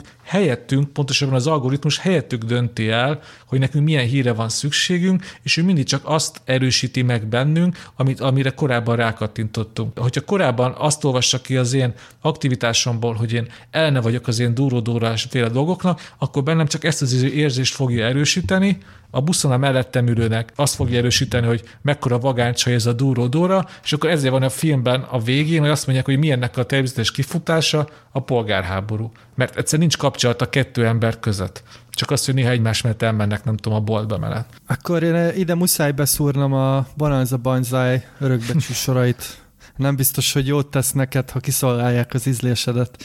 Pontosan. Ez Kovács Ákos egy szó, hogy nem, nem találkoznak a valóságok, ugye? Szóval, hogy ez, a, ez az igazán ijesztő benne, ahogy úgy nem tudnánk vitatkozni, hogyha, hogyha más valóságban élünk. Igen. Igen, meg ez a film egyébként a, gyakorlatilag a Cambridge Analytica sztoriára van fölfűzve, tehát hogy az ő felemelkedésüket és idézőjelben a bukásokat mutatja meg, mert hogy itt az történik, hogy ezt a céget felszámolják, illetve hát maguk a, az alapítók, a tulajdonosok döntenek úgy, hogy befejezik, ami sokak szerint azért történt meg, hogy ne tudják a hatóságok kinyomozni, hogy gyakorlatilag hogyan jutottak hozzá ezekhez az azokhoz, de itt, született egy olyan meggyőződés a gyanútlan nézőben, hogy hát Cambridge Analytica-t felszámolták, akkor minden rendben van, de hát ugye nem ez történik meg, mert nyilván van csomó más Cambridge Analytica, akiket nem ismerünk, akikről nem beszélünk, tehát itt nekem tehát bennem az a kérdés merült föl, hogy, hogy aki mondjuk egy másik politikai oldalt képvis, annak mi a helyes megoldás. Tehát, hogy ő azt mondja, hogy én, én morálisan fölötte állok ezeknek az eszközöknek, én nem lopok adatokat a Facebookról, és próbálok tisztességesen harcolni, vagy én is ugyanazokat az eszközöket használom. Tehát ez pont ugyanaz, mint mondjuk az olimpián a, a, a doping. Hogyha egy valaki használja a dopingot, akkor ő nyerni fog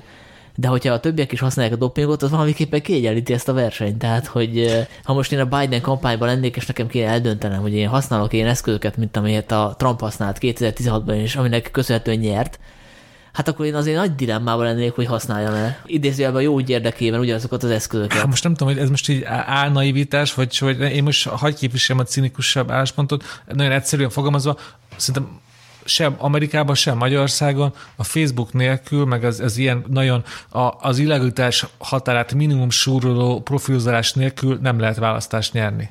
Szóval aki ma ö, Amerikában vagy Magyarországon választást akar nyerni, azoknak ezeket az eszközöket kénytelen használni. Azt, hogy milyen mélységben, azt én nem tudom, nem látok bele egyértelmű, hogy, hogy használják, tehát itt nem is ez a kérdés, itt az a kérdés, hogy a, a felhasználói oldalon lehet-e nevelni az embereket arra, hogy, hogy tájékozódj több helyről. Számomra néha ilyen, ilyen egészen hihetetlen, hogy, hogy, hogy mik terjednek, vagy mik, mik, amíg az én falamon is mik tűnnek fel, amik egyetlen Google kereséssel azonnal kideríthető, hogy mennyi valóságtartalma van, meg, meg az egész, egész stílusból lejön minden. Tehát szerintem itt, itt lenne a megoldás, mert hogy ezt minden, mindig használni fogják, és Sanyi, te most egy demokráciáról beszéltél, de ugye pontosan tudjuk, hogy a, a diktatúrák ezt tökére fejlesztik, tehát ugye Kínában ez nagyon jól működik. Tudjuk, hogy Oroszország hogy kezeli ezt a kérdést, tehát itt szerintem, szerintem egy, mindenképp a felhasználói oldalon kell változást elérni. És ez, ezért jók ezek a filmek egyébként. Mert ha, ha, most akkor ha, ha, hagyd legyek én, nem is tudom, a, minek hívjam ezt, milyen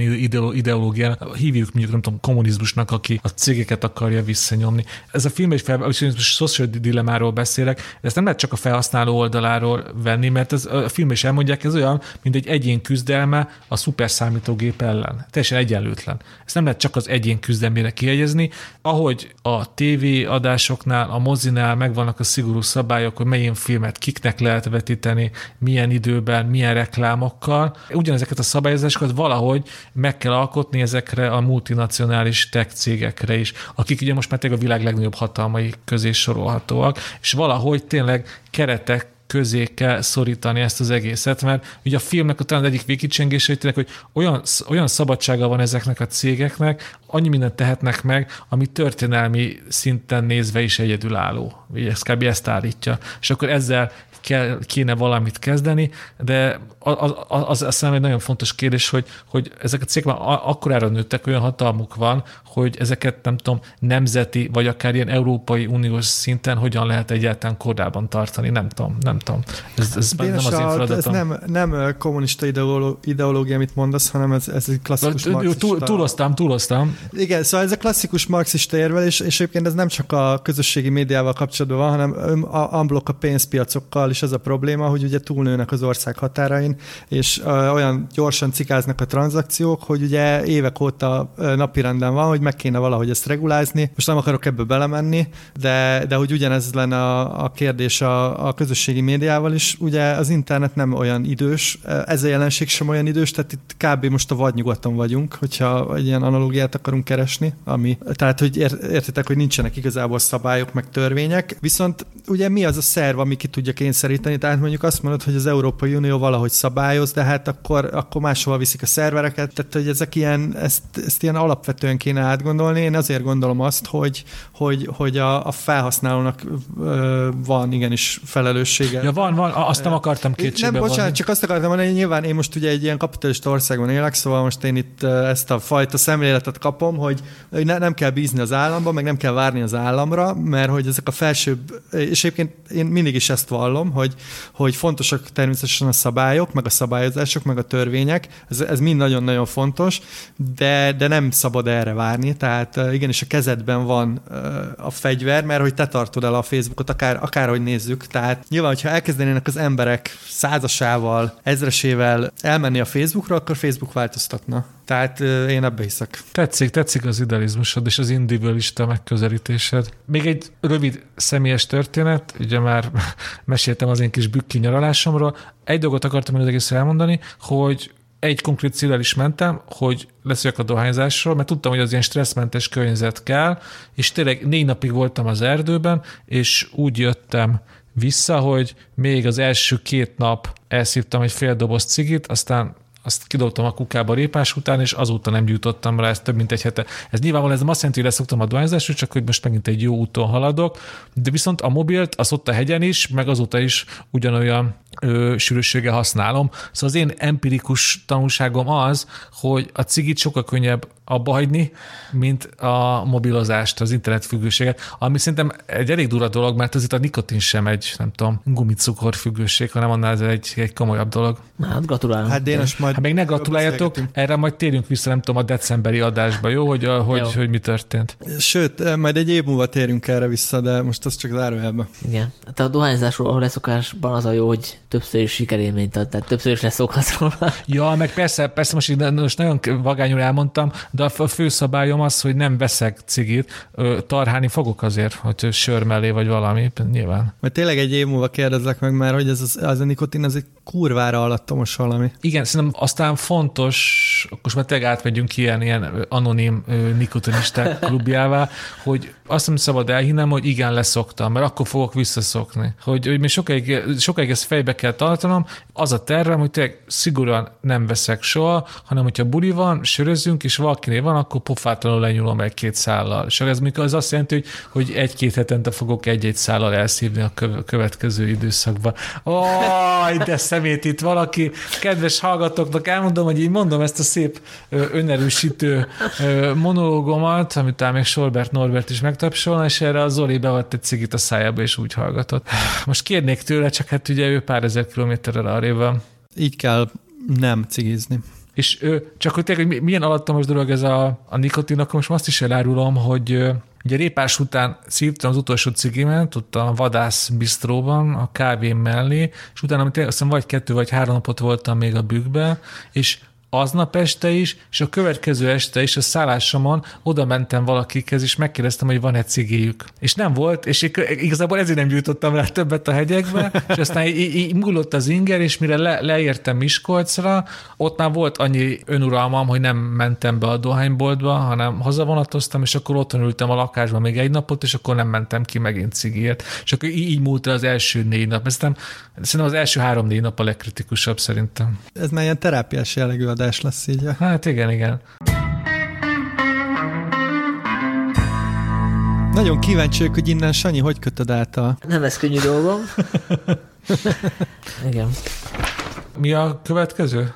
Csak nem a híres pipázó Sherlock Holmes, oh. ugye, aki, ahogy, ahogy én pöffentettem a cigit, ő, ő úgy újt rá újabb és újabb Valóban, szép pipadohányra. A függőség rejtelmei után. Sherlock Holmes pedig a, a bűnügyek függője, tehát neki az, a, az adja az adrenalin löketet, hogy megold egy újabb bűnügyet. Hát meg egyes rossz nyelvek szerint azért a drogokat is, igen. Igen, opium talán? Vagy mi volt? Kokain. Kokain, igen. De hát az a film nem róla szól, hanem a kishugáról. Ez az Enola Holmes című film, ami a Netflixen tekinthető meg szintén, és ez a film eredetileg moziba került volna, de a pandémia miatt úgy döntött a stúdió, hogy inkább a neten, illetve hát a Netflixen mutatja be. és hát a különlegesség az, az, hogy ez egy young adult film, tehát egy más korosztály céloz meg, mint úgy általában a Sherlock Holmes filmek, és ennek megfelelően ebben azért elég jelentős a, a cukiskodós faktor.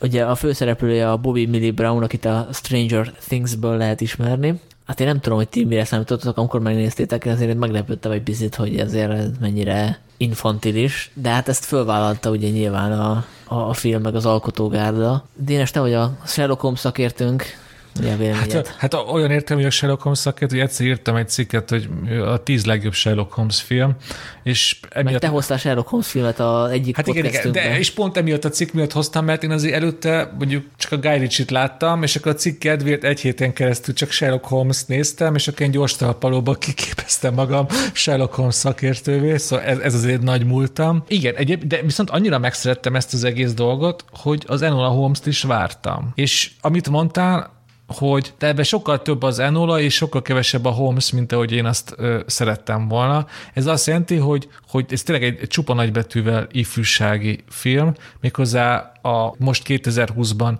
trendinek és progresszívnek tartott dolgokat hozza be. Ez azt jelenti, hogy kapunk egy vagány, önálló, öntudatos, okos kis csajt, aki a társadalmi kötöttségek ellen lázad, és ugye, mivel ez a viktoriánus korban van helyezve, ezért ezt nagyon látványosan meg lehet mutatni, ugye fűző és a, szoká, és a többi dolog, amit le kell küzdenie.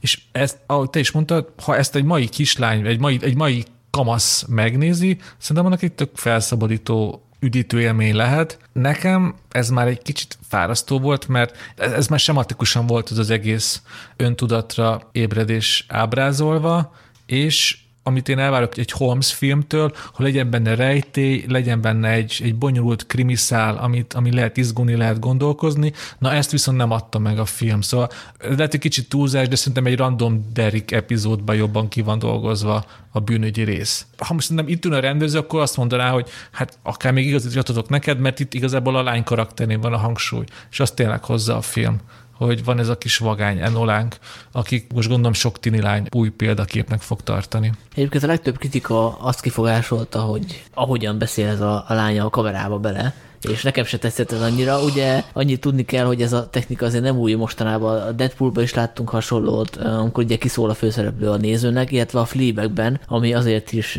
érdekes most ennél a filmnél, mert hogy ugyanaz a rendezője ennek a filmnek, mint ami a Fleabag című sorozatnak volt. Csak ott ugye az, hogy kiszól a főszereplő a kamerának, illetve a nézőnek, annak van egy, egy ilyen plusz dramaturgiai funkciója, mert hogy ezeknél a kiszólásoknál elárulja azt, hogy ő azért kicsit ilyen instabil személyiség, vannak ilyen kétségei önmagával szemben, sőt még reflektál is arra tényre, hogy ő kiszól a nézőnek, és itt viszont uh, szerintem semmilyen reflektálás nincsen, csak ilyen cukiskodás, hogy, hogy én most uh, belekacsintok a kamerába, és ennek nincs semmilyen funkció igazából. És, és rettentően túlzásba volt ö, véve. Amúgy, javítsatok így, hogyha nem emlékszem, de szerintem a, a Guy Ritchie féle Sherlock Holmes is néha kibeszélt a nézőknek. A, abba is volt már ilyen, nem? Hát most nem rémlik. Nem, nem vagyok benne biztos. Hát a, a, ugye a BBC Sherlock Holmesban volt olyan, hogy ö, megmutatta a különféle ilyen gondolkodási folyamatokat. Igen, Tehát, hogy igen. ott volt, volt, hogy így bele, belenézett a kamerába, de nem direkt kiszólt. De egyébként a, a Fleabagre visszatérve ott ugye azért fontos a, ez a kikacsintás, mert hogy ez az alapvetően egy monodráma volt, ahol ugye a, a főhősnő beszél a közönséghez, tehát gyakorlatilag sztorizik, és ugye ezt gondolták tovább, hogy ő kinéz a, a nézőre, és akkor megvan ez a, ugyanez a közös pont, és szerintem a rendező ezt így átvette, mert hogy ilyen jó pofa, csak ezek szerint akkor ő nem értette, hogy, hogy a Phoebe Waller-Bridge az miért írta bele a, a forgatókönyvbe, mert hogy itt tényleg teljesen, azon kívül, hogy ilyen jópofának tűnik, uh, szerintem borzasztó idegesítő, és szerintem ellene is dolgozik egyébként a, a filmnek. Tehát én nagyon szeretem, amikor így nevelik a, a, az ilyen ifjúbb korosztályt, mert, mert tényleg tök jó dolgokat vett fel a film, csak uh, amikor így tényleg így az arcodban mondják, az, az szerintem inkább, inkább így ellene megy, nem? Szóval ilyen kontraproduktív. Igen, szerintem ezt az Eleanor holmes is tök ki lehet hangsúlyozni, hogy, hogy nem azzal volt bajom, amit a film állít, hogy, hogy tényleg ez a lány találja meg magát, és hogyha ő nyomozó akar lenni, akkor legyen az, hiába a társadalom, nem tudom, szoknyát akar ráadni, meg magániskolába akarja erőltetni, hanem ahogy az egész meg volt fogalmazva és át volt adva. Nem tudom, ez egy nagyon kis része a filmnek, de ott nekem tökre eszembe jutott, hogy, hogy aztán a lányiskolában van, amikor a, a Sherlock Holmes-ot játszó Henry Cavill meglátogatja, és a könyves polcon ránéz, és akkor nézi, úristen, még életem nem láttam ennyi romantikus lányregényt. Ugye viktoránis korszak, tele voltak ilyen sematikus lányregényekkel, ami szépen leírták, hogy milyen nő dolga, fiatalhoz férjez menni, aztán minél több gyereket szülni. És én azt éreztem, hogy, hogy igazából ez az Enola Holmes ilyen értemben csatlakozik ezekhez, mert, mert sematikusan átadja azt az uralkodó gondolatot, a, a, amit ma jónak tartunk, hogy egy, hogy egy, egy, kamaszlány kövessen. Az egy dolog, hogy én azzal egyetértek, csak hogy ezt nem kéne ilyen sematikusan, mert akkor tényleg még eltelik tíz év, és a polc tele lesz az Enola Holmesokkal hasonló, instant flejthető, öntudatra ébresztő lányfilmekkel. Szerintem a, a fő probléma számomra, hogy, hogy maga Sherlock Holmes, meg maga a Sherlock holmes világ, ez egy gimmick volt ebben a filmben. Tehát, ja, teljesen. Ezt hívhatták volna Enola Smithnek is simán. Nekem ezzel nincs problémám, mert igazából tényleg fölvetették sokan, és jogosan, hogy a Henry Cavill, mint Sherlock Holmes nagyon vértelen, tehát hogy nagyon nem, nem elég izgalmas, de szerintem ez valahol lehet, hogy szándékos is volt, hogy ne lopja el a sót a Enola elől. Mert tehát érted, hogy ha bekasztingolják ide mondjuk az eredeti Sherlock Holmes-ot, ugye, aki a tévébe játsza a Benedict Cumberbatch-t, ő ellopta volna a sót. De nem azzal van a probléma, hogy maga Sherlock Holmes sótlan, hanem azzal van a probléma, hogy, hogy maga a sztori is sótlan. Tehát, hogy ez nem méltó egy Sherlock Holmeshoz. Hát egy Sherlock Holmesban azért ilyen deduktív uh, esetnek lenni kell. Ért, érted? Szóval itt, itt azért a, a, a sztori maga az elég nyögvenyelős, meg úgy úgy, úgy, úgy kicsit olyan adhok módon. Nekem azt tetszett az a rész, hogy eltéríti a sztorit az eredeti uh, irányvonalától, tehát ugye az Enola a saját anyja után nyomozna, hogy ő hova tűnt el, és itt jön egy ilyen kitérő, és utána valaki mást keres. Nekem ez tetszett ez a csavar. Tehát én azt is meg tudom érteni, hogy kiderül, hogy ő nem olyan zseniális, mint a Sherlock Holmes, aki ránéz egy, nem tudom, egy egy cipőnyomra, és megállapítja, hogy a cipő tulajdonosa mit evett két héttel ezelőtt, mert hogy akkor azt szállítaná, hogy két ilyen zseni lehet egy családban, és, és nem, a Sherlock Holmes a zseni, az Enola nem olyan zseni, ácsi, ő, ő, ácsi, empatikusabb. Ne, Ácsi, mit állít ez a film? Okos, elmondom, amit az Zolit is el akar mondani, gyorsan szalába vágok. Ez a film azt állítja, hogy Enola Holmes okosabb, mint Sherlock Holmes. Miért? Mert előbb megoldja a bűnügyet, mint Sherlock Holmes, és Sherlock, nem, nem emlékszel arra a jelenetre? De.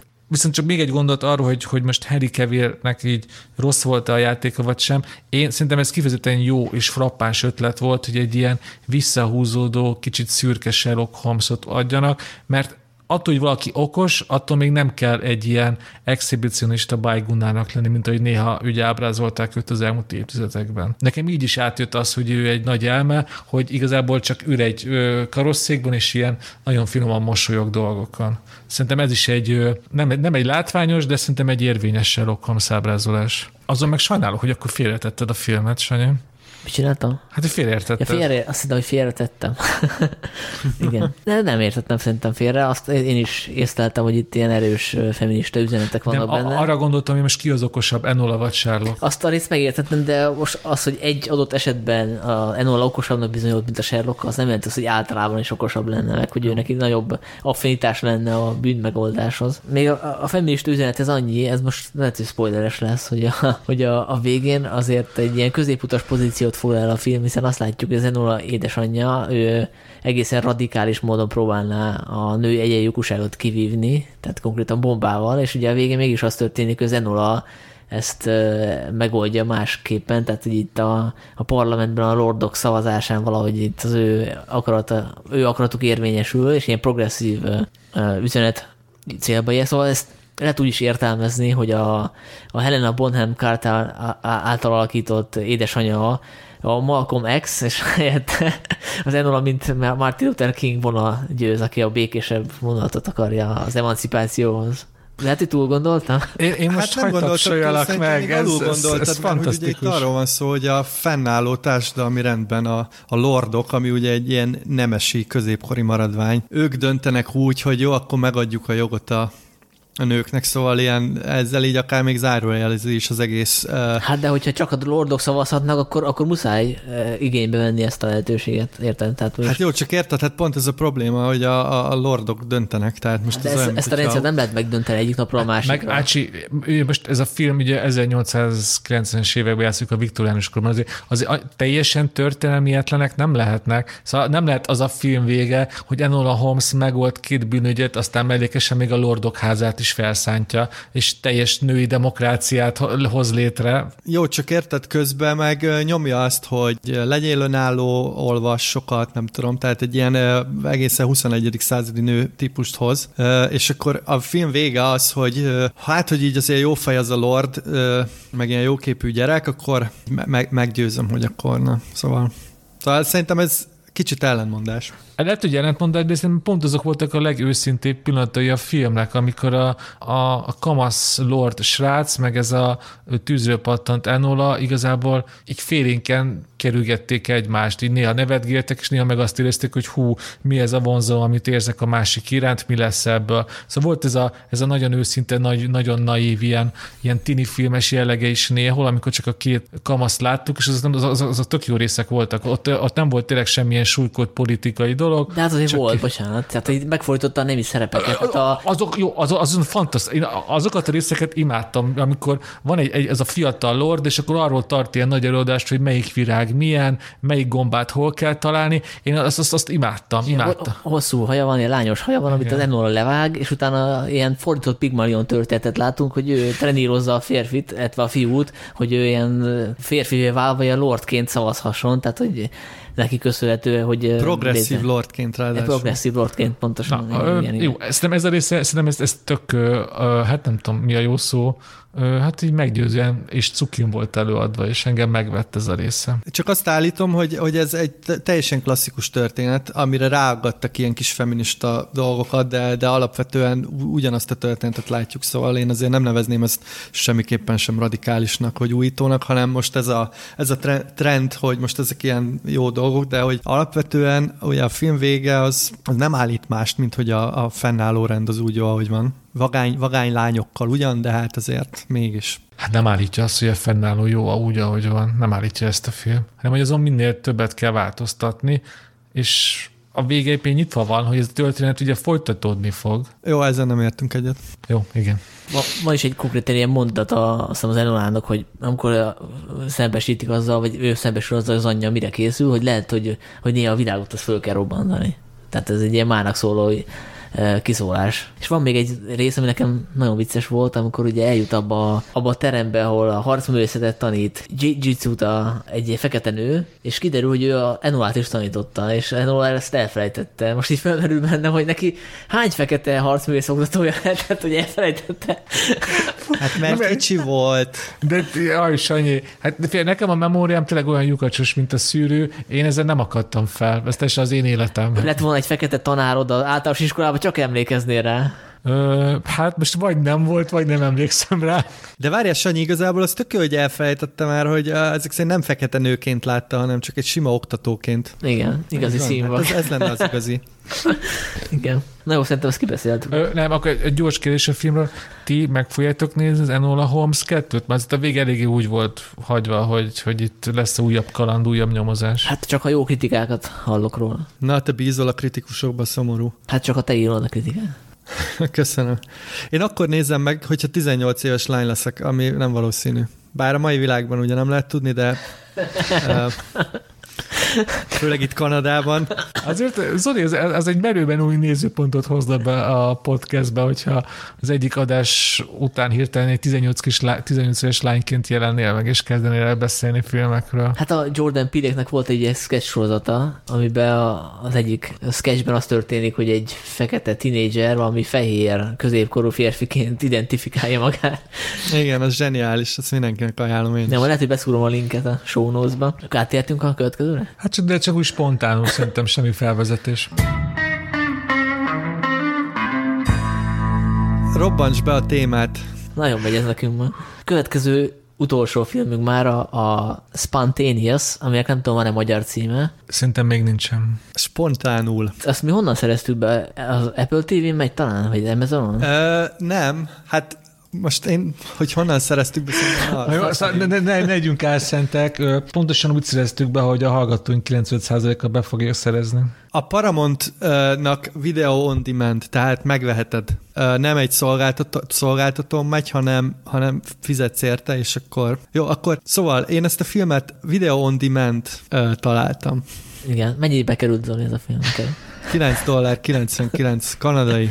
És megérte ez a befektetés? Maximálisan. Igen. Szóval ez egy felnövés történet, egy tini film, ha úgy veszük, amiben van egy apró csavar, mégpedig az, hogy ebben az amerikai gimnáziumban egyszer csak önmagától fölrobban az egyik diák óra közben, és a főhősünkettől nyilván megrémül, meg a több, meg nyilván a, az osztályban mindenki, tehát nem csak ő, és kiderül, hogy ez nem egy ilyen elszigetelt incidens volt, hanem ezek a rejtélyes önrobbanások ö, folytatódnak, és ez nyilván átalakítja teljesen a, a város meg a gimnázium életét. Itt ugye az az érdekes, hogy ez a, az a koncepció azért szerintem nem új. Én már azt hiszem említettem a The Falling című filmet a 2014-es év tized összegző podcast adásunkban, ami egy angol film, főszerepben Maisie williams és Florence Pugh-val, amelyben az történik, hogy egy ugye a 60-as években játszódik a film egy ilyen lányiskolában, és ott az egyik lány elájul és meghal, és ezt követően az iskolában egy ilyen ájulás sorozat kezdődik, tehát hogy kvázi divattá válik, hogy a lányok elájulnak, aztán egy idő után a, a tanárok is, és nyilván itt is egy ilyen metaforaként szolgál ez, hogy tínédzserkori szorongásra meg szélsőséges viselkedés. Igen, tehát hogy itt ez nyilvánvalóan egy metafora, nem tudom, ti is így érzékeltétek nem ebben a filmben ezt a, ezt a jelenséget? Én, én egy metaforának érzékeltem, nyilván, mert nyilván van az, és hogyha volt a filmben bajom, azt szerintem ezt a metaforát nem bontja ki eléggé szerintem. Nagyon sok mindenben lehet dicsérni ezt a filmet, nem is, nem is ezzel akartam kezdeni, hogy mi a bajom, csak hogyha mindent felhoztad. Én azt hittem, hogy ez jobban végig lesz vezetve, és izgalmasabban fog bánni ezzel a metaforával a film. Egyébként akkor ez most egy spoileresebb beszélgetés lesz, én úgy érzem. Viszont én vitatkozném, mert szerintem a metaforát az tökéletesen levezeti. Tehát, hogy utolsó jelenetben is hangzik, hogy minek a metafora ez az egész. Inkább az a problémám, hogy ez csak metafora, és így nem, a műfai vonulatra nem gyúrnak rá jobban. Tehát például úgy, mint mondjuk a Donnie Darkora, ami szintén ugyanaz a téma, tehát van egy ilyen kis közösség, ahol egy ilyen kamasz srác azt gondolja magáról, vagy, vagy tényleges, hogy ő belelát a, a múltba, illetve a jövőbe, tehát hogy az is szerintem egy ilyen metafora az ő állapotának, csak közben értelmezhető műfaj és ikon is, mint egy skifi, és utána agyonhatsz rajta, hogy itt igazából mi történt. Itt meg, itt meg gyakorlatilag tényleg zárójelben van téve az egész önrobbantás, hogy ennek mi a kiváltóka, hogy mi lehet a magyarázata? Hát azért ez most vicces, amiről beszélsz, mert amikor ezt a filmet elkészítették, akkor valóban igazad volt, csak most 2020-ban kitört egy világjárvány, és ha nézzük ezt a filmet, hogy így hirtelen lebetegednek, ők meghalnak rögtön, de szóval hirtelen történik velük valami, és aztán elzárják őket különféle laboratóriumokba, már is kap egy ilyen plusz réteget ezt a film, amit nyilvánvalóan az írók, a rendezők, az alkotók nem akartak belerakni, csak aztán hogy a sors így hozta. És ugye adott egy plusz értelmet. Ez abszolút igaz, tehát most ez nagyon jókor jött ki ez a film, ez nyilván nem szándékos, nem teljesen véletlen, de én azért szélsőségesebben gondolom ennél, hát most ha úgy nézitek, minden műfai elem, meg minden műfai vonás valahol metafora, tehát ha feltűnik a filmben egy szörny, akkor azt metaforaként láthatod. Hát ugye a híres példa, hogy miről szól a dolog. Egyes értelmezés szerint ugye az étszerről. Igen, igen, de például nekem ezzel a filmmel kapcsolatban valami követ jutott az eszembe, ahol azért elég nyilvánvaló, hogy, hogy a, a valami követben az a szörny, vagy nem tudom mi, ami megtámadja őket, az, az nyilván a, a szexualitástól való félelem. Tehát ez nem kell olyan mélyre.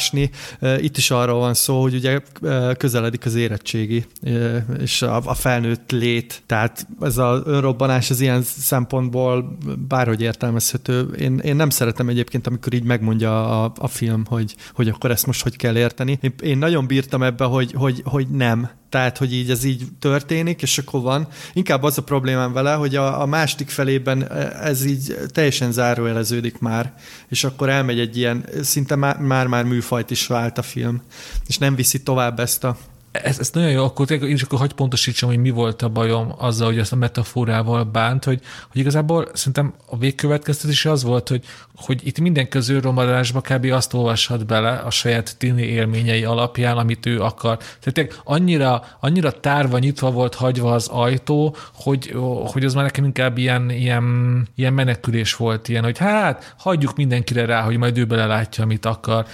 De Dénes, volt is egy ilyen jelenet, ami szerintem fontos a filmben, ugye, amikor felmegy a színpadra, és mondja, hogy miatta van az egész, és ugye elkezdenek sorra jelentkezni, igen, igen. miattam van, mert loptam kaját a menzáról, meg ilyenek. Tehát, hogy pont erről van szó, hogy egy metafora az, az akkor jó, hogyha több, több síkon megnyílik, és bárki beleláthat bármit akár. Jó, akkor nekem is számomra már van az a metafora, ami már annyira általános, hogy már egyszerűen elve, elveszíti az izgalmát, hogy már annyira mindent bele lehet olvasni, hogy igazából már nem is törődök vele, mert akkor azt látom, hogy igen, ez lehet az is, az is, az is, az is, akkor igazából minek gondolkozzak rajta. Jó, igen, tehát nyilván ez egy egyensúly kérdés, és én egyetértek veled abban, hogy, hogy a filmnek szerintem a másik fele az úgy kicsit úgy elengedi ezt a dolgot, ugye ott már a, inkább ez a szerelmi vonal van, meg ez az önsajnálat, meg ilyesmi, de a film, film eleje azt szerintem ebből a szempontból nagyon-nagyon jó, ahogy bemutatja ezt a, a ugye, ahogy megjelenik a kormány, meg, meg ahogy összezárják őket, és ott, ott, ott tényleg ez egy nagyon szomorú aktualitást kapott most, hogy a, hogy a, a Covid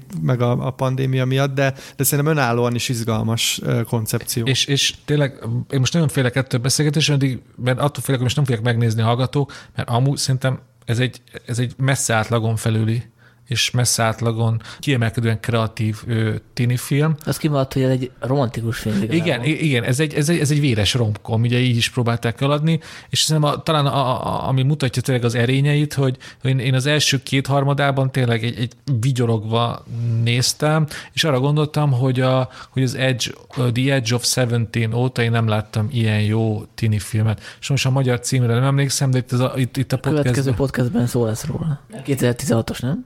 Nem hisz, Hát akkor szó lesz róla a következő. Akkor a következő podcastben beszélünk róla, és tényleg az az elmúlt év egyik legjobb tini film, és a, a, a Spontaneous az első két harmadában teljesen pariban volt vele, hogy, hogy miért. A két főszereplő, ugye ez egy szerelmi történet, ahogy a Sanyi mondta, annak a kidolgozása az teljesen hibátlan, Ugye egy tini film mindig nagyon fontos, hogy, hogy te ezt természetesnek vedd, de hogy ők beszélnek, hogy ők viselkednek, és szerintem ebben a film sokkal egyetlen hibát sem véd. Szóval amik, ez a két színész művel, szóval cinikusak, néha esetlenek, aztán meg nagyon szerelmesek, egyszerűen nagyon jól nézni őket. És például az nekem film bolondként mindig egy nagyon érzékeny dolog, amikor egy másik ilyen filmőrültet látok filmben, és általában nagyon, sokszor nagyon cikinek tartom. Na ez a film szerintem ezt is nagyon jól megoldotta, mert ugye a fiú ő nagyon sokszor bedob ilyen filmes hasonlatokat, sőt, azt hiszem egy fantasztikus pillanat, szerintem ezt nagyon sok filmbolond szeretné ezt a való életbe látni, hogy,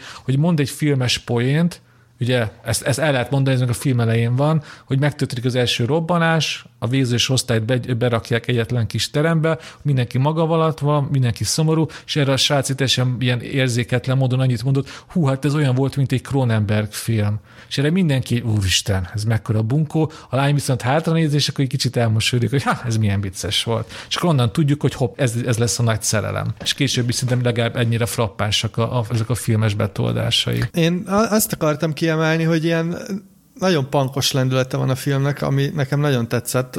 Rengeteg ilyen szalonképtelen poén van benne, ugye Trumpot is ekézik, meg ezek a filmes vonulat is. Szerintem egészen vicces az a rész, hogy, hogy ez a lány egy ilyen, ilyen különc, és egy ilyen vagány különc, akit nyilván, nyilván nagyon bírunk, de hogy, de hogy nagyon sok ilyen apró kis poén van, ami miatt szerintem nagyon lehet szeretni ezt a, ezt a filmet, mert van egy ilyen húzása. Hát a lány vagányság az annyit, hogy itt is megfordítják igazából a nemi szerepeket, mint a Enola Holmesnál, még így vizuálisan is, hiszen a, a fiú egy ilyen lányos figura, olyan haja is, kicsit félénkebb is, tehát itt a markáns személyiség maga a nő, illetve a lány. Igen, ez így van. Hát, hát ez, a, ez a legszembetűnőbb ugye az, az első csók jelenetnél, ugye, hát egy tini filmben 90%-ban ugye a fiú kapja a lányt. Itt nem csak ugye a lány, itt a lány úgy kezdeményez, hogy még ő is mondja, hogy na most már meg akarlak csókolni, és fantasztikus volt ez a része is, hogy... Hát azért a MeToo után már figyelni kell erre, hogy... Ja, de... Hát persze annyira teszett volt az a srác, hogy a lány már nem, jó, nem tudott már mit csinálni, akkor már ki is mondta, hogy jó, akkor most már csókolózunk kb. Frappáns ez a ne, nem megfordítás, a nemi szerepek megfordítása, de én már láttam, hogy ebből kísérlesz, tehát gyakorlatilag ez lesz az alap minden filmben, ugye ez volt az Enola is. Na de ez az, El fog hogy fáradni egy de, idő de, után de a- annyira jó egymás tenni az, a, az Enola Holmes-t és ez, hogy a spontanizmus sokkal kreatívabban, eredeti módon van. ez a- Spontánabb? Hát igen, csak ezt nem mertem mondani. Szóval sokkal jobban van megírva, és sokkal jobban van eljátszva az, amit, amit az Enola Holmes-ban is lá- látunk mondjuk ilyen egy, egy, egy-két évvel fiatalabb szereplőkkel. Egyébként én kicsit elszomorodtam a film alatt, hogy mennyire rohadt öreg vagyok. Ha, az nem tudom, megvolt-e, hogy a, a Sakáltanya című méltán híres Persze, hogy Film. meg volt.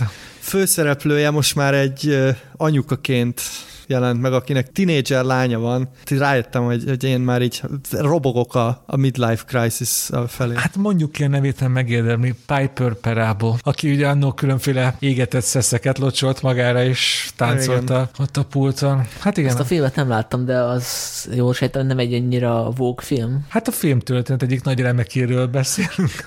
Jerry Bruckheimer neve csak mond valamit. Hát, Persze. De tudom, hogy miről van szó, csak nem láttam a filmet. Igen. Eszembe jutott még egy referencia ez a filmhez, a Leftovers, a igen. Lindelofnak a sorozata, ugye a a Lost volt az első nagy dobása, magyar cím azt hiszem hátrahagyottak volt. Az a történet, hogy hirtelen eltűnik egy csomó ember, nem is tudom a föld népességének hány százaléka, egy, egy jelentős százaléka, mindenféle magyarázat nélkül egy időben, és ugye ott se az az izgalmas, hogy miért történik meg ez a tragédia, hogy hova tűntek ezek az emberek, hogy mi a, a kiváltóka, hanem hogy ezzel, hogy tudnak megbírkozni a, a hátrahagyottak, a túlélők, hogy ők hogyan tudnak erre reagálni, és erről szól ez a film is igazából. És emiatt nem zavart igazából, hogy nem kapjuk, hogy nem kapunk feloldást a végén, nem kapunk magyarázatot, hogy miért történik ez, mert igazából ez nem fontos. Az a fontos, hogy akik túlélnek, azok erre hogy reagálnak. Nyíltan egyébként ki is van mondva a film végén, azt hiszem a főszereplő narrációja által, hogy itt hogy itt arról van szó, hogy van egy ilyen értelmetlennek tűnő univerzum, egy világ, és nekünk értelmet kell benne valahogy találni, és ez a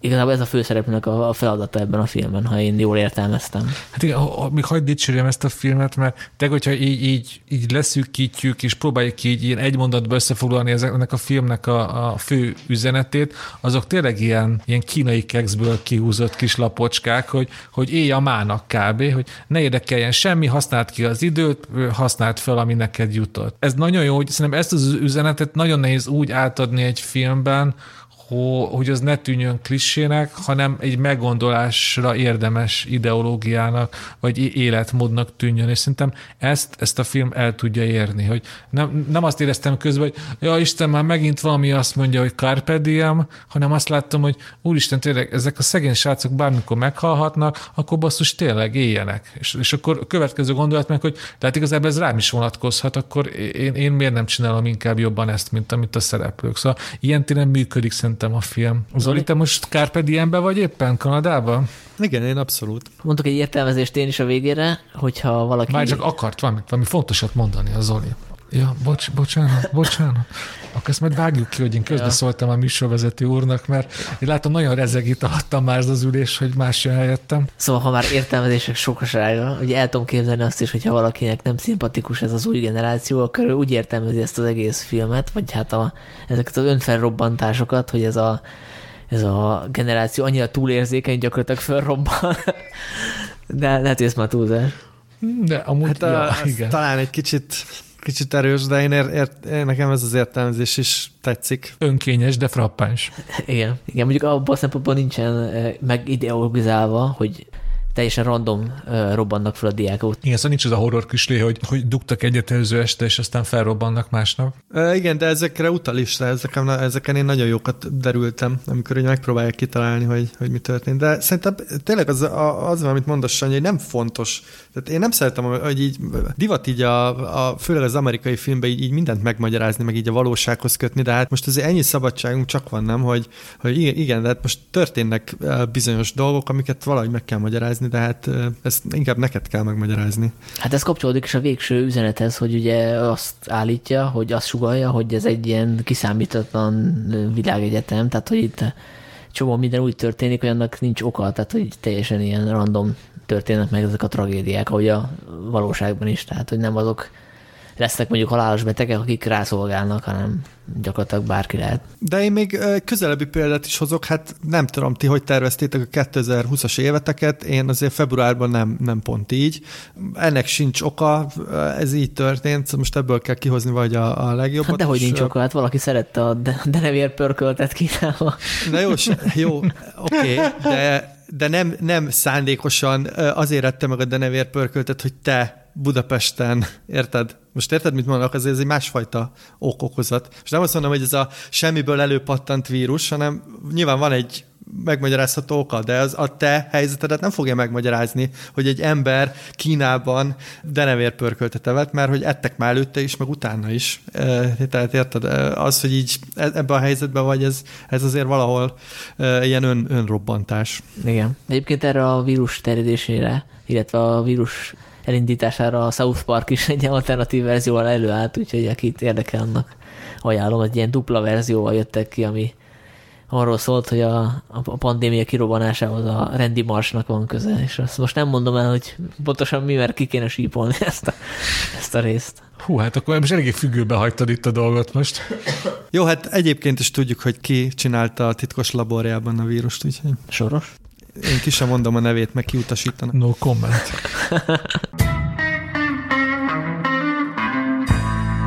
Dénes, nem akartál beszélni a Liam Neeson? Ú, tényleg de hogy kicsit messziről kezdjem a dolgot, hát nem indult kellemesen. Ez egy esős szerda késő délután volt, amikor elindultam a műcsarnokba megnézni az 50 éves Vandát. És cigit se volt és cigim se volt, is íremegett a kezem a föld alattin, és már majdnem elszívtam a mellettem ülő sapkáját. Megérkeztem a műcsarnokba, ahol megvettem a jet, és azzal szembesítettek, hogy, hogy már betelt a 30 főre maximalizált terem, és engem nem engednek be Vandára, de ugye én egy találékony filmkritikus vagyok, és emlékeztem arra, hogy kaptam egy levelet, hogy aznap este hétkor Liam Neeson legújabb filmjének lesz a sajtóvetítése, és ezért nem hazamentem, mint valami vert sereg, hanem egy amerikai 50 éves független film helyett beültem a legújabb Liam Neeson műremekre.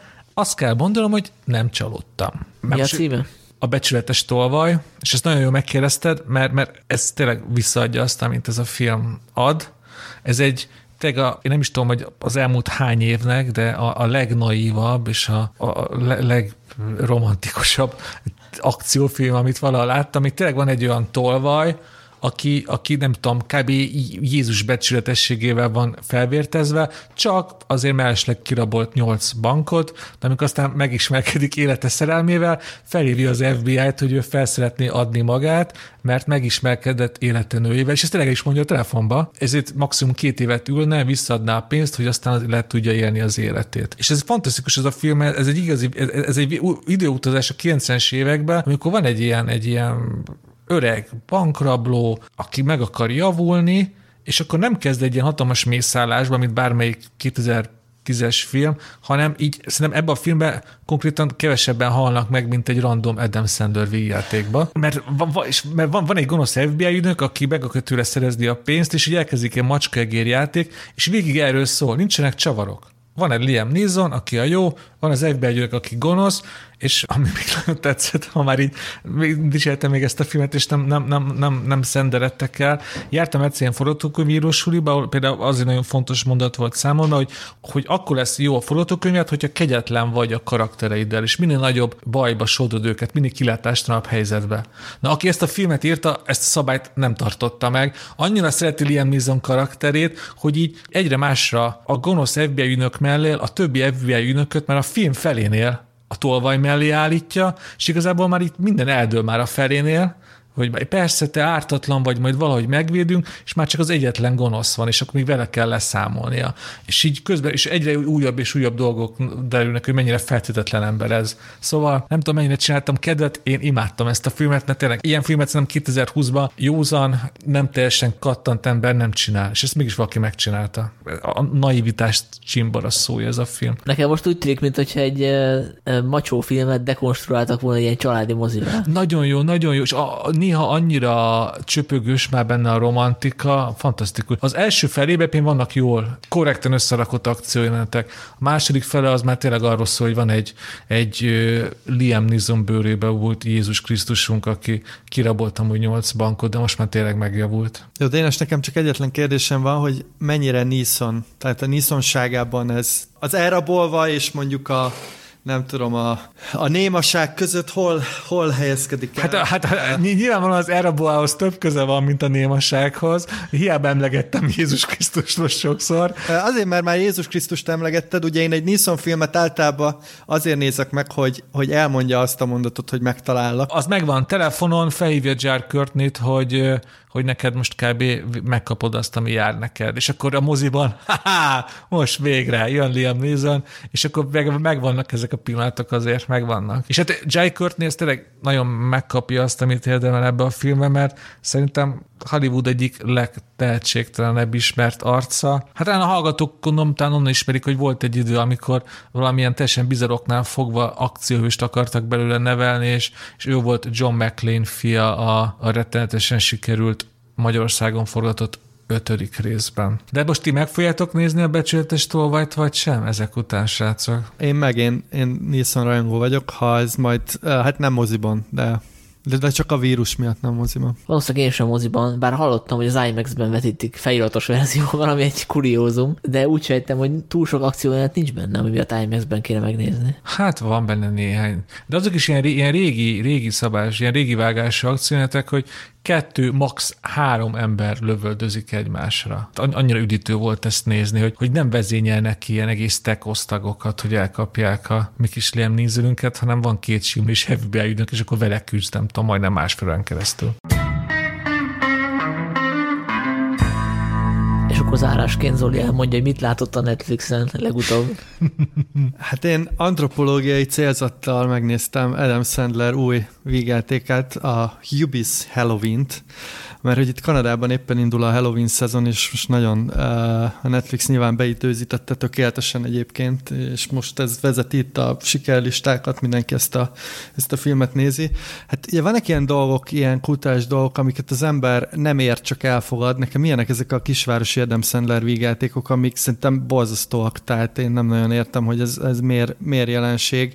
Uh, ugyanarról szólnak, olyan, mint hogyha egy nyolc éves Frank Capra rendezte volna, és telerakta volna fikát kukás, kukis és húgyos poénokkal. Itt, itt ugyanezt kapjuk meg. Én nem nagyon nevettem, úgyhogy aki szereti az Adam Sandler vígjátékokat, az, az most is jól fog szórakozni, mert az összes mellékfigura és összes ismerős poén itt van. Adam Sandler, aki egyébként már láttuk, hogy egy jó színész, most valamiért ilyen idiótán beszél, és kinyomja előre a száját. Továbbra is értetlenül állok a, a jelenség előtt, hogy, hogy, hogy ezt miért, miért szeretik ennyien, vagy, vagy, vagy, vagy, vagy miért, miért megy ez, mert hogy én, én egyszerűen képtelen vagyok bármit is kezdeni ezzel, úgyhogy most azt hiszem egy jó 15 évre letudtam az Adam Sandler vígjáték adagomat. Nekem van egy elméletem erről az emberek versus Adam Sandler kapcsolatról. Szerintem minden embernek van egy sötét titka, hogy igenis mindenkinek van egy olyan bugyuta Adam Sandler vígjátéka, amit szeret, csak nem szeret hangoztatni.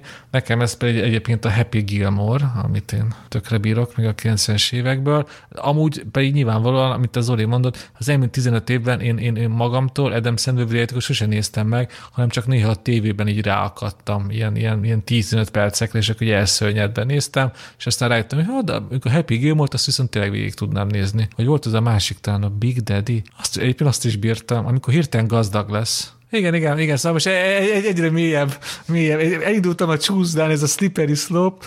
Azt nem tudom, hogy ez ugyanez, mert olyan srác, amikor kap egy kisgyereket maga mellé, akivel aztán Ez együtt valami ugyan... Dietz, nem?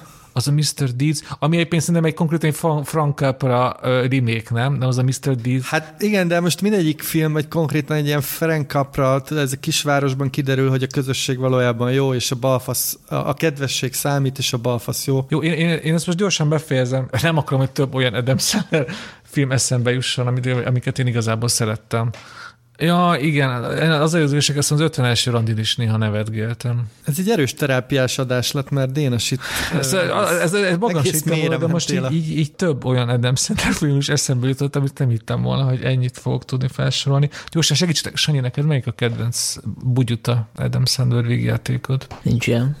Na, ne csináld már. Nem, hát én abszolút nem szerettem az ő művészetét, munkásságát, úgyhogy nem is, nem is keresem a lehetőséget, hogy nézem. Azt tudom, hogy sajtóvetítésen láttam azt a valami klik, azt mondta, azt mondta, hogy valamilyen távirányítója valamivel tudja, meg, meg tudja állítani a a valóságot, vagy mi ilyesmi. Okay. Távkapcs, vagy valami ilyesmi. De, de a régi szép, de, de a 90-es években nem néztél? Hát de... a, még a sátánkát láttam, azt hiszem ez a kettő van, ah. és ezen túl nekem az Adam Sandler az a Punch Drunk Love, meg a é, Uncut Gems. Igen, igen, igen. Úgyhogy, ja. Egyébként Dénes rossz hírem van, mert nekem sincs. Jó, akkor, akkor egy, egy, ennyit az elméletedről. Igazából most ezzel csak magamat akartam szerintem így uh, ilyen jobb fénybe feltüntető, csináltam egy ilyen, egy ilyen konstruált valamit. És mélyebb rástam magad.